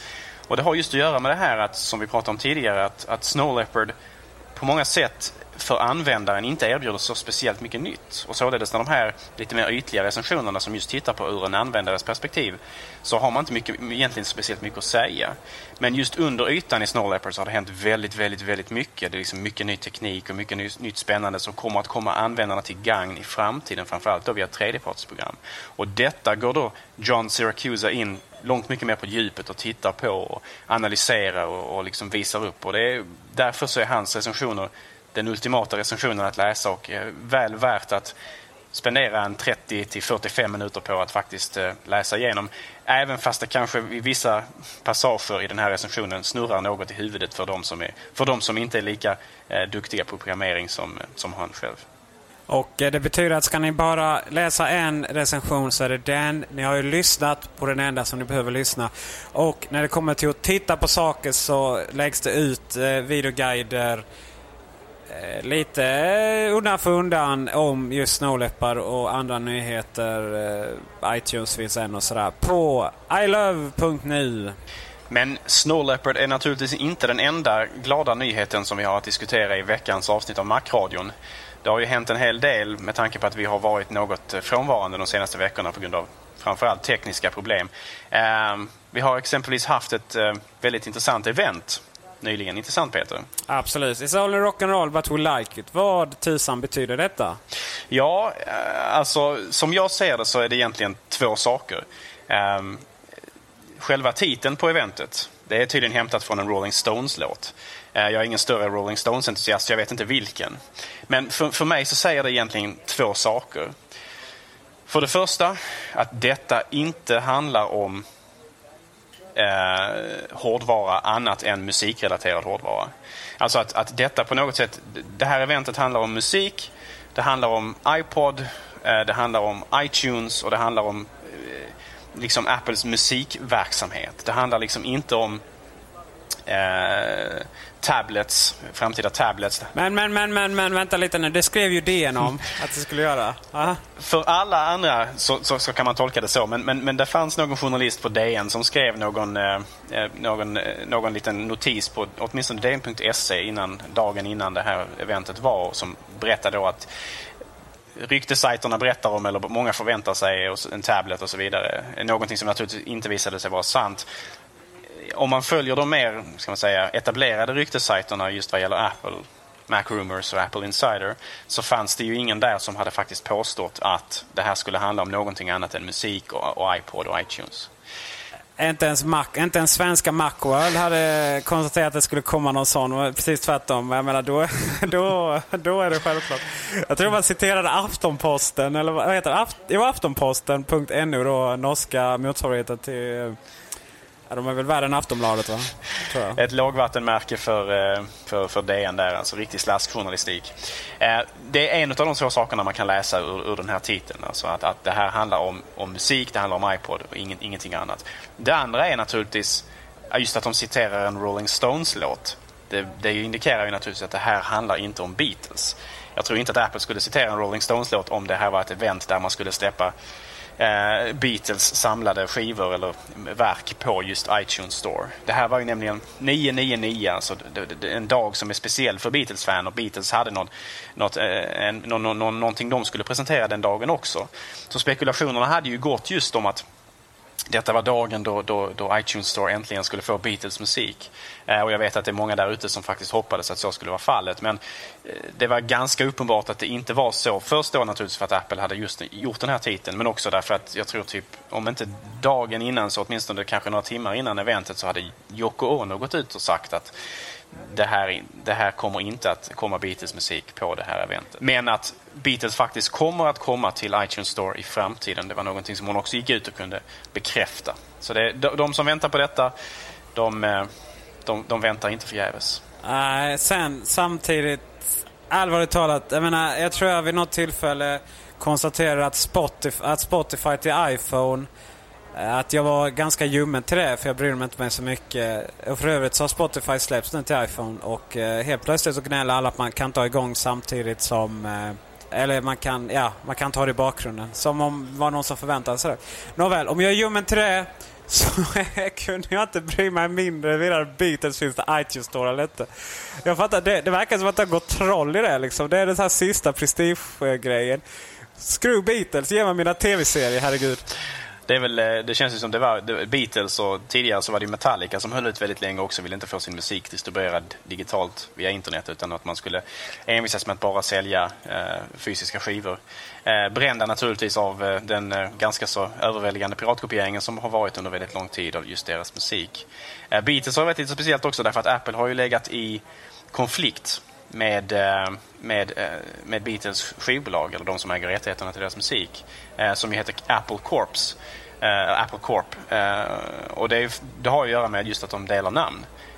Och Apple har ju äntligen då slutligen faktiskt köpt rätten till namnet Apple ifrån Apple Corp då så att man har möjlighet för det har varit flera, många valser just med stämningsansökningar från, från Apple Corp och så vidare att man har försökt få Apple att sluta använda det namnet som man har använt ända sedan företaget grundades.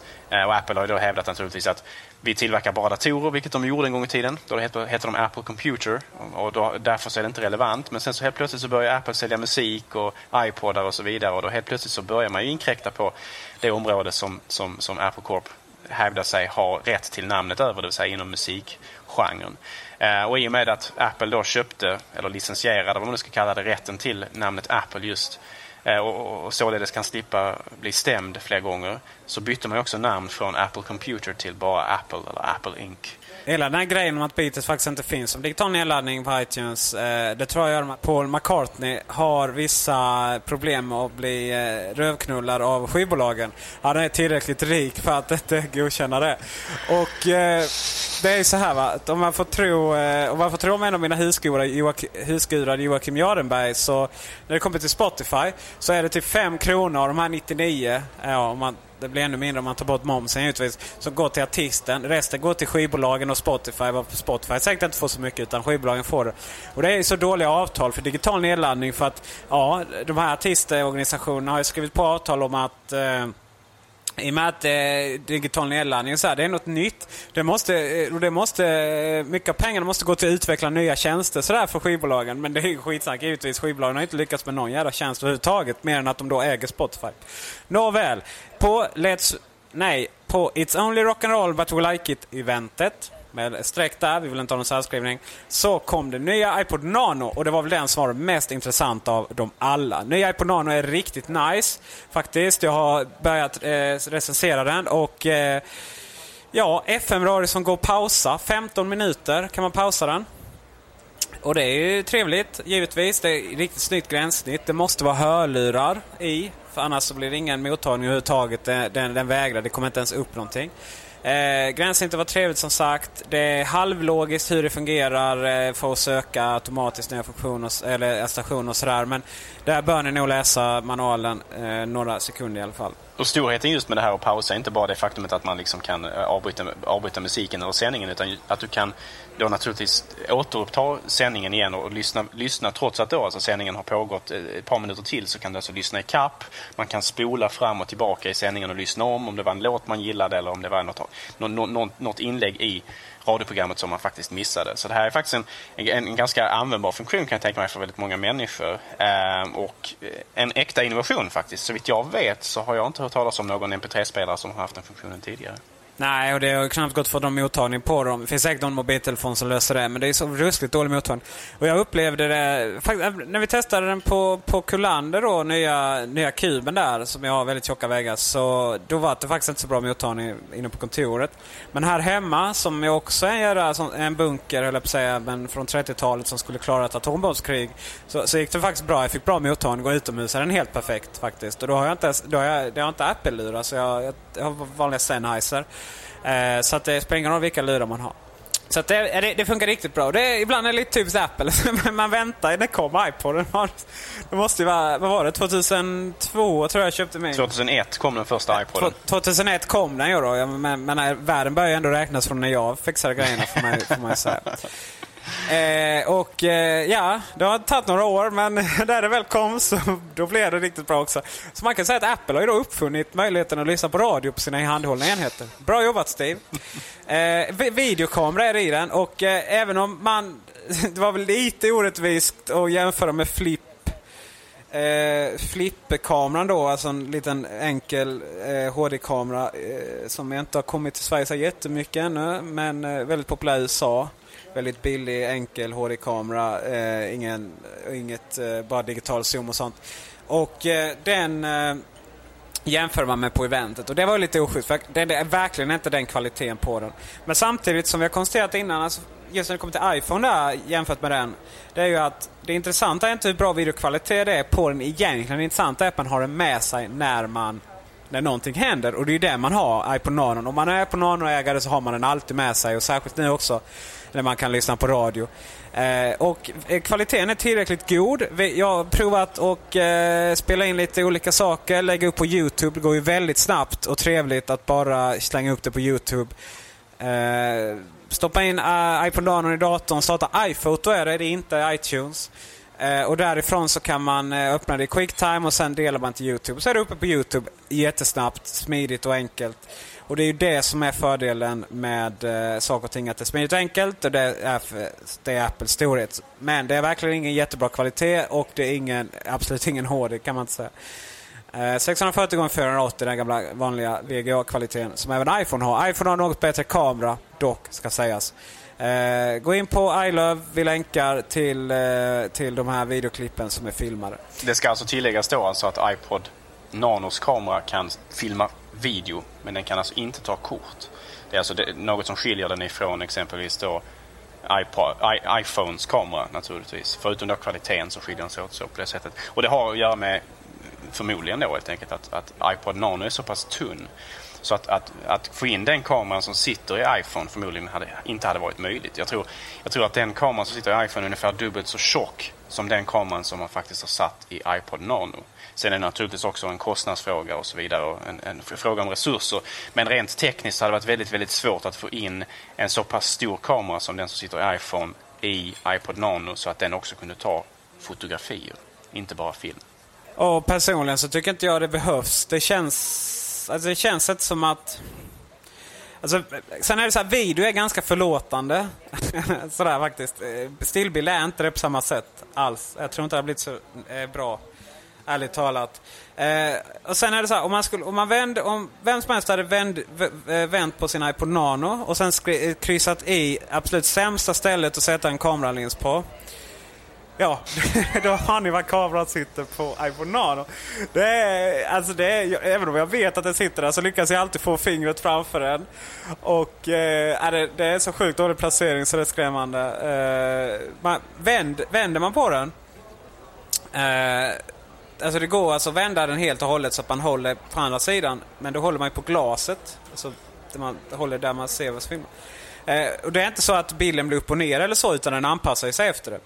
Eh, så det, det, kan man göra om man, om, man vill, om man vill hålla bättre. Annars får man så hålla på kanterna och den är ganska tunn så det är lätt att tappa. Då. Men det, det finns väl en anledning, givetvis en ingenjörsanledning till det. Det är inte så att man gör det för att reta användarna alls. Eh. Det är lite det att Apple har ju just gjort nanon så pass tunn nu så att nu börjar det bli svårt att få plats med komponenterna i den. Och speciellt, det är en sak om man bara skulle liksom förminska minska den så länge den är en MP3-spelare. Då är det liksom inga, kanske inga större problem. Men när man helt plötsligt nu ska stoppa in nya spännande funktioner som just då exempelvis en videokamera, ja då blir helt plötsligt det väldigt, väldigt lilla formatet på nanon ett bekymmer. Och då, då får man då kanske lite olyckliga kompromisser som i det här fallet då med placeringen av kameran som kan vara lite avig och kanske lite problematisk för många händer. Ja, jag skulle säga alla händer. Men eh, iPod Nano-användare kommer anpassa sig efter det också. Det är okej okay att hålla på glaset, det blir inte så flåtigt och sådär. Och glaset, ja eller skärmen, den är ännu större än vad den var innan. Eh, jag tyckte den var stor på min iPod Nano som jag har själv. Men eh, den är ännu större nu. Eh, materialet är, det är metallic metall. Det är inte matt längre som det är och jajamensan, den är så repkänslig som man kan tro att den skulle vara. Eh, min eh, matta eh, iPod Nano fjärde generationen, den har inte det problemet alls. Och sist men inte minst så är det en funktion som är kanske ganska efterlängtad hos alla er som gillar att vara ute och röra er i naturen och så vidare och kanske vill använda den på lite mer sportsliga äventyr. Det finns nämligen en inbyggd stegräknare i iPod Nano som gör att man kan synka upp den mot då den här Nike Plus. Nike Plus-tjänsten som finns på internet och sådär. Det är inte en full, fullfjä, fullfjädrad eh, teknik på samma sätt som det som sitter i iPhone exempelvis. Men det är åtminstone lite, lite, lite en, enkel, en enklare variant helt enkelt. Absolut, och eh, det är därför det är viktigt att veta att det är en räknas steg där man går. Men ska du ut och springa och få de här statistiken där så måste du fortfarande ha ett Nike Plus-kit. Och ja, det kan jag tycka är lite synd kanske egentligen. Men eh, så är det. Eh, och nu när jag tänker på det så har jag inte, har jag inte eh, riktigt testat om man kan ha igång både radion och stegräknaren. Men det tar jag för givet. Och be att få återkomma om en rapport om detta. iPod Touch var väl den som, om man skulle prata om en eh, antiklimax som vissa stora svenska makttidningar gjorde. Eh, bytte den rubriken rätt snabbt sen i och för sig. Så var det väl iPod Touch eventuellt då. Alltså, det var väl inget antiklimax det heller. Men vi hade väl förväntat oss lite mer kanske. Det var snabbare, mycket bättre, trevligt, trevligt, billigare och eh, den har bättre grafikkort i sig. Också mer minne och sådär. Det är en iPod Touch S i alla fall 3264 bitars. Eh, nej, 3264 eh, gigabyte. Medan 8 är samma gamla vanliga iPod Touch. Eh, och eh, Fokus är spel, spel, spel, spel, spel. Man jämförde sig med Nintendo DS och Sony PSP Go. Eller Sony PSP Go har ju nog inte riktigt kommit än upp så stort. Eh, det är väl lite oschysst. Jag är inte så här jättestort fan till, eh, till eh, bärbara spel rent generellt. Men iPod Touch har fortfarande vissa saker som gör att den inte är superbra som spelmaskin. Till exempel det här att, att om, om man avslutar på ett ställe så fortsätter den ju oftast inte då. Det finns vissa spel som klarar och vissa program. Men de flesta är avslutar man spelen så ja, då är det avslutat. Så funkar det inte riktigt på PSP och eh, Nintendo DS. Men det är klart, det handlar ju så mycket som vanligt om vad har man med sig egentligen? Har man med sig en MP3-spelare överallt? Ja. Har man med sig sin PSP? Nej, knappast. Jag kan tycka överhuvudtaget att både iPhone och iPod Touch som spelplattformar är något överskattade. Ehm, den tekniken som man använder för att styra de här helt enkelt, alltså touch-tekniken, den begränsar något hur bra vissa sorters spel faktiskt kan bli. Eh, vissa spel fungerar jättebra. Det finns vissa spel som, som verkligen utnyttjar hårdvaran och, och det här liksom gränssnittet på ett sätt som, så att det fungerar jättebra. Men vissa genrer av spel kanske inte kan det helt enkelt och således blir betydligt sämre än, än motsvarigheten på, på en dator eller på andra handhållna enheter som de konkurrerar med då. Sen samtidigt handlar det väldigt mycket om att lära sig plattformen också. För att alla bilspel som styrs, styrs av gyros är ju värdelöst. Liksom. Det, det, är dålig kontroll att sitta och, och bända och böja på sin iPod. Däremot de som, där man har virtuella handkontroller, de funkar alldeles ypperligt och är riktigt roliga. Så att mycket handlar om att inte överutnyttja tekniken. Men därför är det synd att man inte har en eh, kamera i den. Eh, för det hade kunnat göra rätt roliga spel, kan jag känna. Apple har ju, det här du pratade om tidigare om hur man styr exempelvis då ett bilspel. Apple har ju pushat ett spel som faktiskt funkar ganska bra, även då, både då genom att, genom att tilta den här själva enheten. Eh, men som, som, som även har möjlighet att man kan justera hur man faktiskt spelar spelet så att man kan exempelvis då få fram virtuella knappar för att styra vänster och höger på, på bilspelet. Och man kan även genom att eh, applicera tummen på skärmen och, och vinkla tummen eller att röra tummen väldigt lite grann så, så, så, flyttar man en ratt som då en virtuell ratt som då dyker upp på, på, på, på skärmen på iPod touch och iPhone 3GS. Och eh, det spelet heter Real Racing. Eh, och det kan jag faktiskt rekommendera. Det är värt eh, de tiorna som det kostar att köpa för att det är faktiskt ganska roligt och grafiken är förvånansvärt bra och sådär. Och jag tycker överhuvudtaget styr, styrningen funkar väldigt bra. Och just möjligheten att välja mellan alla de här olika lägena att styra den gör också att, att spelet kanske tilltalar väldigt många som är intresserade av just bilspel. Ja, trevligt. Eh, det ska jag kolla. det. Men just när det kommer till spel så har jag, jag har Pinball Dreams, Pinball Fantasy, Sonic.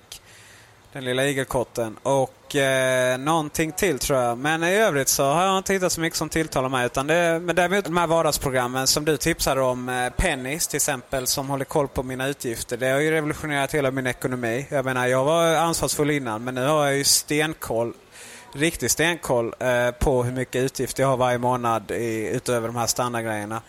Eh, så det är, det är lite, lite veckans rekommendation tar vi in här innan vi fortsätter med eh, touchen. Pennis.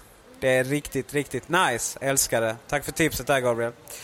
Eh, iPod Touch innehåller ingen kamera men däremot har den, de som plockat isär den visat det, att den har plats för det. Och det handlar ju givetvis säkert om att man fick inte riktigt till det tekniskt. Det kanske blir för dyrt eller någonting. Man, ja, Steve Jobs gav någon förklaring i tidningsintervjun att det var för att man ville satsa på spel. Men Ja, alltså det gick ju väldigt starka rykten om att de hade problem med de här kamerorna och ja, jag eh, vet givetvis ingenting men man, man kan ju lägga ihop ett och ett där. Jag tror antingen så var det något tekniskt problem eller så blev det helt enkelt för dyrt. Man ville få ner priset. Och det var väl i och för sig det han sa i intervjun. Frågan är naturligtvis vilken kamera man hade tänkt sätta i där också. Om man skulle sätta in nanokameran som är bara spelar in video som vi pratat om och som kanske har rätt, lite sämre kvalitet. Eller om man faktiskt planerar att sätta i kameran som sitter i den nya iPhone som har bättre kvalitet och som möjliggör också att man kan ta kort. Um, för man kan ju tycka det att iPod Touch med sitt eh, användargränssnitt som, som i mångt och mycket är exakt likadant som på iPhone också skulle kunna ha ett eh, program just för att hantera kort på ett bra sätt. Och, eh, åtminstone i de, i, i de lite dyrare modellerna, alltså 64 GB och 32 GB, så hade kanske den, den lite dyrare kameran varit motiverad också eh, med tanke på att hur mycket man faktiskt betalar för den här enheten ändå.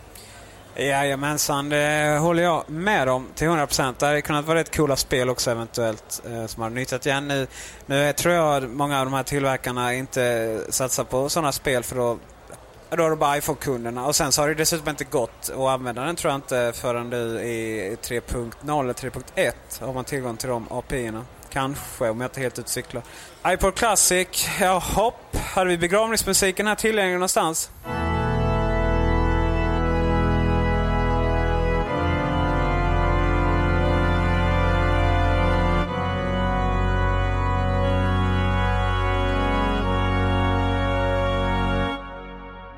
iPod Classic är ju kanske inte död ännu men sjunger kanske åtminstone på sista versen.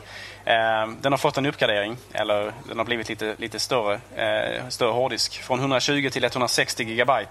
Eh, och en prishöjning i Sverige faktiskt. Eh, lite olyckligt.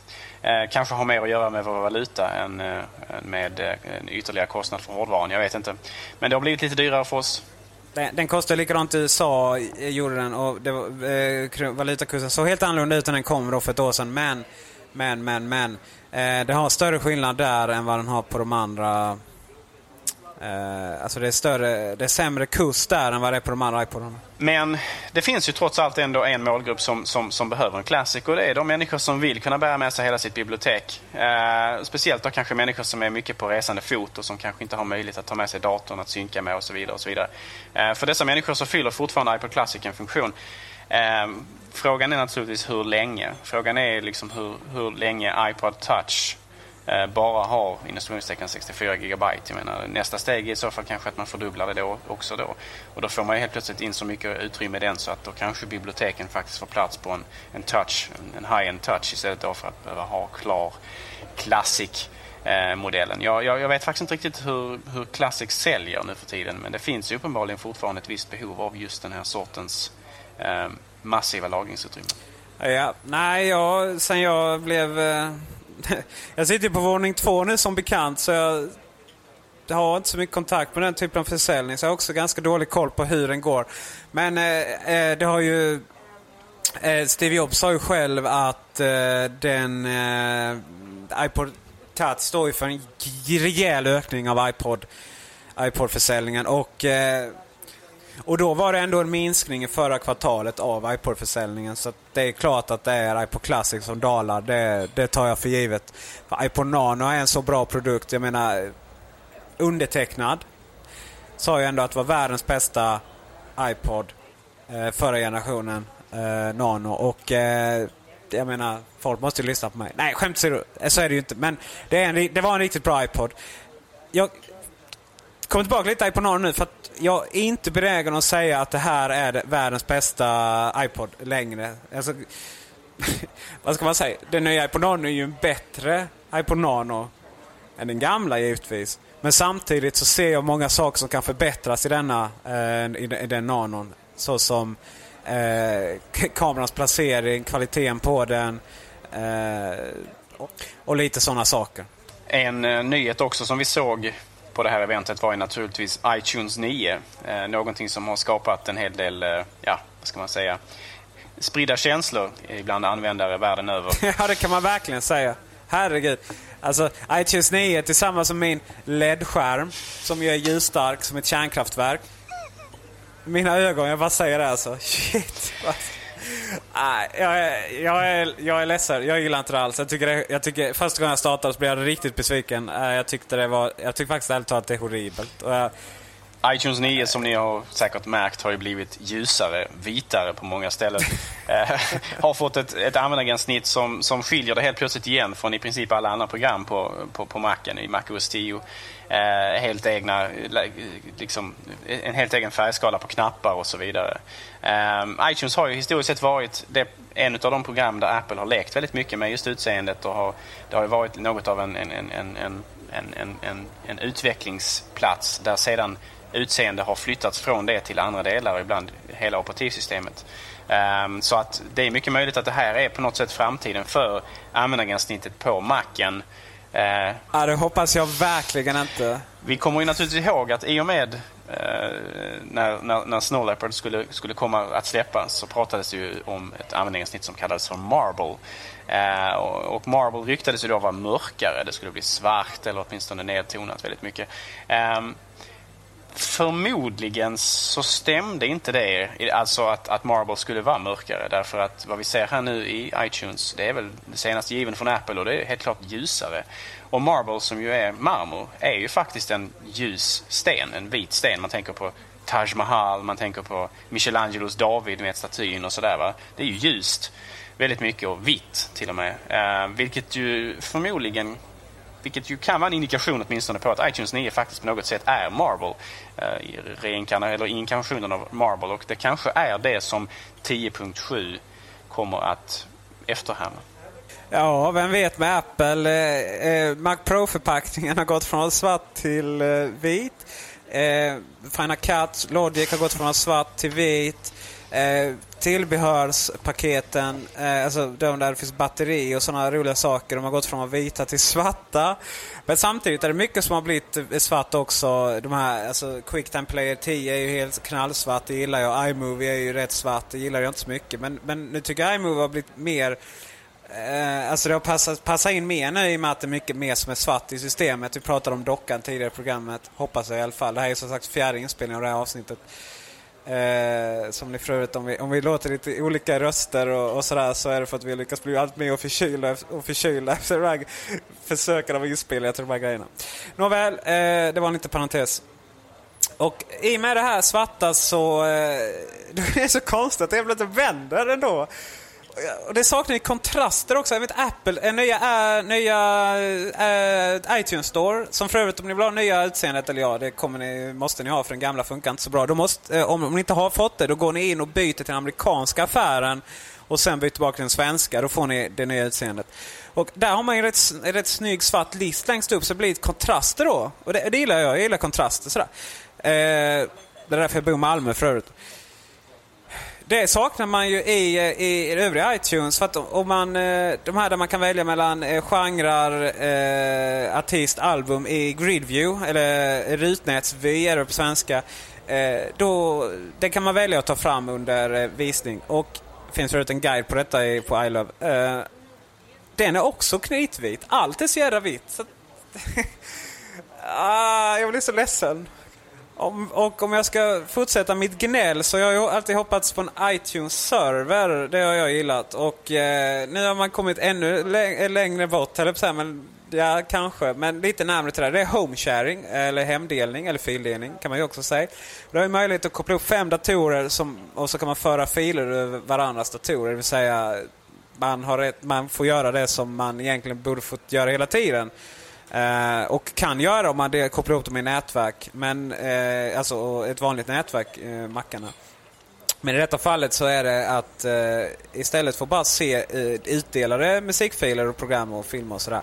Så kan man även föra över mellan biblioteken och man kan se, eh, man kan se att eh, ställa in så man bara ser eh, skillnader mellan sina olika bibliotek. Så har man samma låt så dyker inte de upp och sådär. Man kan också göra att om man, om man har köpt en musik från iTunes Store så ska den automatiskt föras över eh, till en annan dator och så. Men det är bara inköpt, det är inte om man rippar från CD-skivor. Eh, och det är samma sak med program och tv-serier om man har kunnat köpa det. Och det står även om man kan klicka i program, men program gör inte det. De enda program som gick att flytta över faktiskt, det var de som jag har ad hocat. Eh, alltså har fått från utvecklare och sådär. Eh, inte köpa App Store. Om de köper App Store, oberoende om det är grat eh, gratisprogram eller om de är faktiskt köpta för sådana här riktiga hemska pengar. Så gick de inte att flytta över. Så jag vet inte riktigt vad eh, tanken med funktionen där. Så det är en hyfsad väg men det är ju inte, det är inte hela vägen. Ge mig en iTunes-service, snälla, snälla, snälla. Eh, iTunes, eller Genius, Mixes. Det är en, eh, någon form av Last FM, för ni som känner till det. Eller Spotify har ju också att man kan spela musik baserat på en artist. Och eh, Genius Mixes eh, kommer då under Genius i sidofältet och så kan man klicka, eh, ja, och, och den skapar lite, max 12 tror jag det är, baserat på hur ens bibliotek ser ut. För att få fram det, för det står ingenting egentligen om detta, eh, så måste ni återigen trycka igång, eh, ni måste återigen gå upp i eh, menyn affär och sen uppdatera Genius. Annars så kommer inte det komma fram alls. Och eh, slutligen, eller näst slutligen kan man säga, så att katalogstrukturerna, det har ju, det har ju du gått eh, bananas på Gabriel, det här med att eh, katalogstrukturen är rätt hemsk. Allting ligger under musik. Och eh, det går också att ändra nu faktiskt. Eh, om man går in under, eh, eh, jag gör det här rent eh, fysiskt kan jag säga. Om man går in under arkiv, för er som har svenska och files är det om man har engelska tror jag. Och sen organisera bibliotek. Då kan, man, kan ni trycka på uppgradera till iTunes mediaorganisering. Eh, och då så kommer filerna flyttas hej vilt. Så program kommer under Mobile Applications, musik kommer under musik, filmer kommer under filmer och så vidare. Och så vidare. Och om man går in i, här, i den här mappen som oftast ligger under musik, Eh, eh, förlåt, musik, iTunes Music, I, Music Library och sen så kommer de grejerna där under. Då har man också någon som heter eh, som heter Lägg automatiskt till iTunes. Så att om man lägger någonting där i så då kopieras saker och ting automatiskt in i iTunes. Eh, kan ju vara bra om man vill göra något remote eller sådär. Eh, det går ju att lägga en genväg till den, på sina utdelade mappar och, och sådär. Men den finns där i alla fall och jag har en känsla av att jag har en liten känsla av att all den här hemdelning och detta, det har någonting att göra med att iTunes 10 eller iTunes X, kommer det säkert illustreras som, kommer att satsa rätt hårt på sådana saker. Jag är fortfarande inte nöjd kan jag säga med hur eh, iTunes hanterar mappar exempelvis. Eh, visst, det har ju blivit mer struktur i och med den här då, möjligheten att göra den här organisationen. Men fortfarande kvarstår problemet att, att, att filmer som ligger i iTunes eh, inte läggs under mappen filmer i min hembibliotek. Alltså under, under min hemmapp. Utan att det läggs i musik, iTunes och så, och så vidare. och så vidare. Det vill säga, det är fortfarande inte bra. Det är fortfarande inte så som jag hade hoppats att det skulle vara. Jag hade hoppats att iTunes inte la någon iTunes-mapp i musikmappen utan att den lät musik ligga i musikmappen som det var. Och så kunde inställningsfiler för iTunes och så vidare, det kunde få vara i den standardinställningsplatsen. Eh, det vill säga under där alla andra program sparar sina inställningar eh, i biblioteket då, på, på hårddisken. Eh, och, och att den helt enkelt sorterade musik och film i de, deras respektive mappar under hemmappen på datorn. Så jag är inte nöjd även fast det här naturligtvis på vissa sätt är en förbättring mot vad som var förut. Och där nämnde jag även innan då att eh, uh, iF- uh, eh, iPhoto har hand om filmerna i uh, både iPhone och iPod Nano.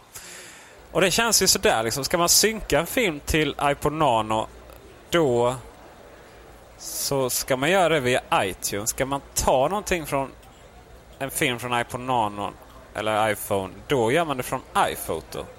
Och dubbelklickar man på den så startar QuickTime Player 10.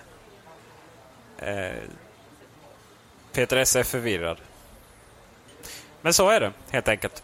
Och eh, givetvis kommer iTunes 10 vara lösningen på alla världens problem här, här i mm, världen då, får man väl säga. Vem vet, det kanske till och med är omskrivet i Coco och är 64-bitars. ja, precis. iTunes är faktiskt ett av de program som inte är... eh, Det finns, ni kör inte 64-bitars och eh, det och DVD-spelaren och Front Row. Och då, jag tror, var faktiskt eh, Fredrik Frostengren på jobbet. Min, en av mina käraste, käraste kollegor, precis som 19 av de andra. Lika kära. Så nu var jag diplomatiskt bra.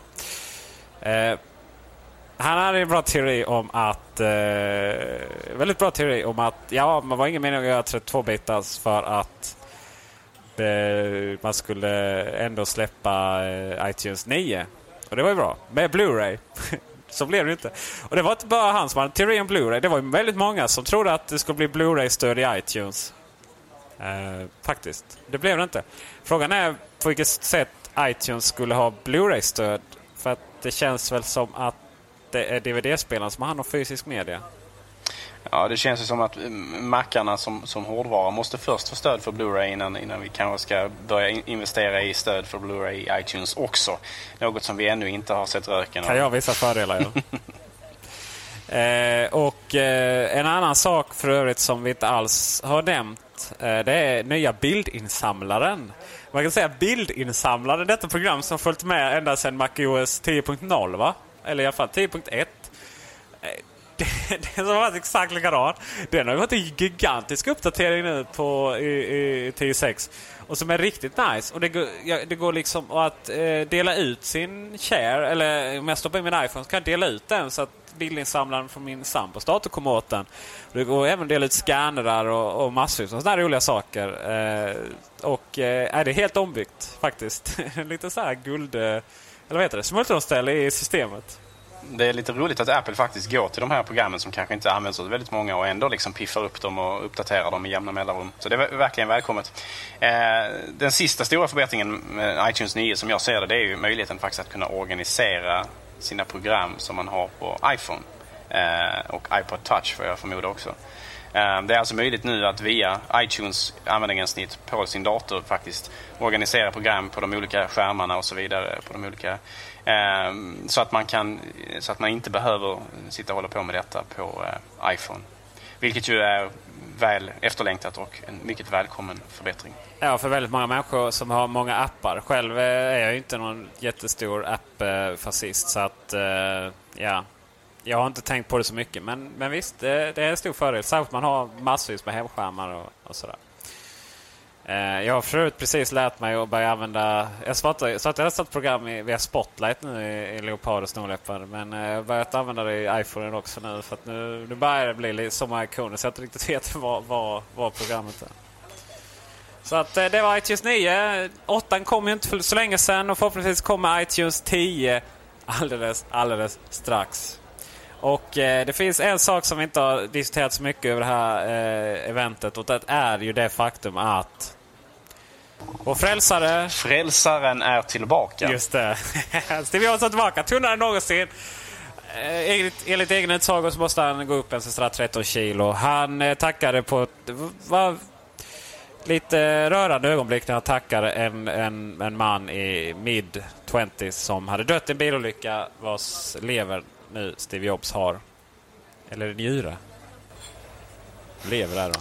Det var en levertransplantation. Eh, Steve Jobs tackade eh, och framförallt uppmanade då naturligtvis eh, åhörarna eh, på eventet och oss där hemma att eh, någon gång i tiden faktiskt eh, bli eh, organdonatorer i den mån att i händelse av att vi faktiskt går bort i förtid. Eh, så att eh, det var ett ganska fint, det var, det var en fin sak att göra och eh, det var ett väldigt, överhuvudtaget ett väldigt glatt och kärt återseende med Steve Jobs. Många hade ju fruktat att han faktiskt inte skulle hålla i fler keynotes och att han faktiskt skulle ta en mer ja, killen bakom eh, ratten men inte som, som, eh, som syns på scenen roll. Men det, så blev inte fallet utan nu har vi faktiskt fått se Steve Jobs på scenen igen och hoppas få se honom många gånger även i framtiden. Han är ju trots allt mästerpresentatören nummer ett. Det får man ju säga. Även om han, han hade en lite hes röst, han verkar lite trött sådär. Men, nej, men det är kul att vara tillbaka. Jag, jag tror vi kommer få vänja oss det här med att det är många olika människor. En som Dema, Phil visade lite iPodar, Stevie var uppe där från början och sådär va. Eh, en iPod som vi glömde nämna är iPod Shuffle och jag kan bara säga att den gröna är så jädra snygg. Eh, den har inte det metallic-utseendet som nya iPod Nano har utan det är den gamla eh, matta finishen. Eh, jag tycker eh, nya iPod, no, eh, ta, eh, förlåt, nya iPod Shuffle eh, i grönt utseende, den är en vinnare. Den borde alla köpa bara för att bara för man kan. Och med det mina vänner så avslutar vi Macradions längsta avsnitt någonsin. Det har tagit fyra inspelningar. Eh, två mikrofoner. Och flera veckor. Flera veckor. Och, eh, Ni hedrade oss genom att rösta på Svenska poddradiopriset. Det ryktas om att eh, diplom är på väg hit. Eh, och så gick det som det gick. Men vi hoppas att det inte kommer att upprepas igen, precis som vi har sagt innan. Men vi jobbar väldigt hårt på att det inte ska göra det. Så att eh, på återseende, förhoppningsvis redan nästa vecka.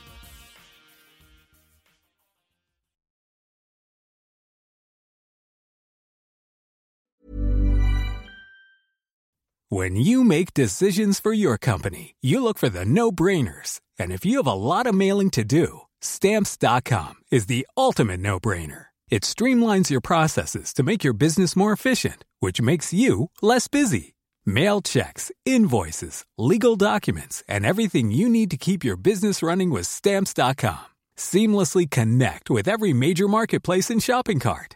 Schedule package pickups and see your cheapest and fastest shipping options from different carriers with rates up to 89% off USPS and UPS rates. And with the stamps.com mobile app, you can take care of mailing and shipping wherever you are. Make the same no-brainer decision as over 1 million other businesses with stamps.com. Sign up with code program for a 4-week trial. plus free postage and a free digital scale. No long term commitments or contracts.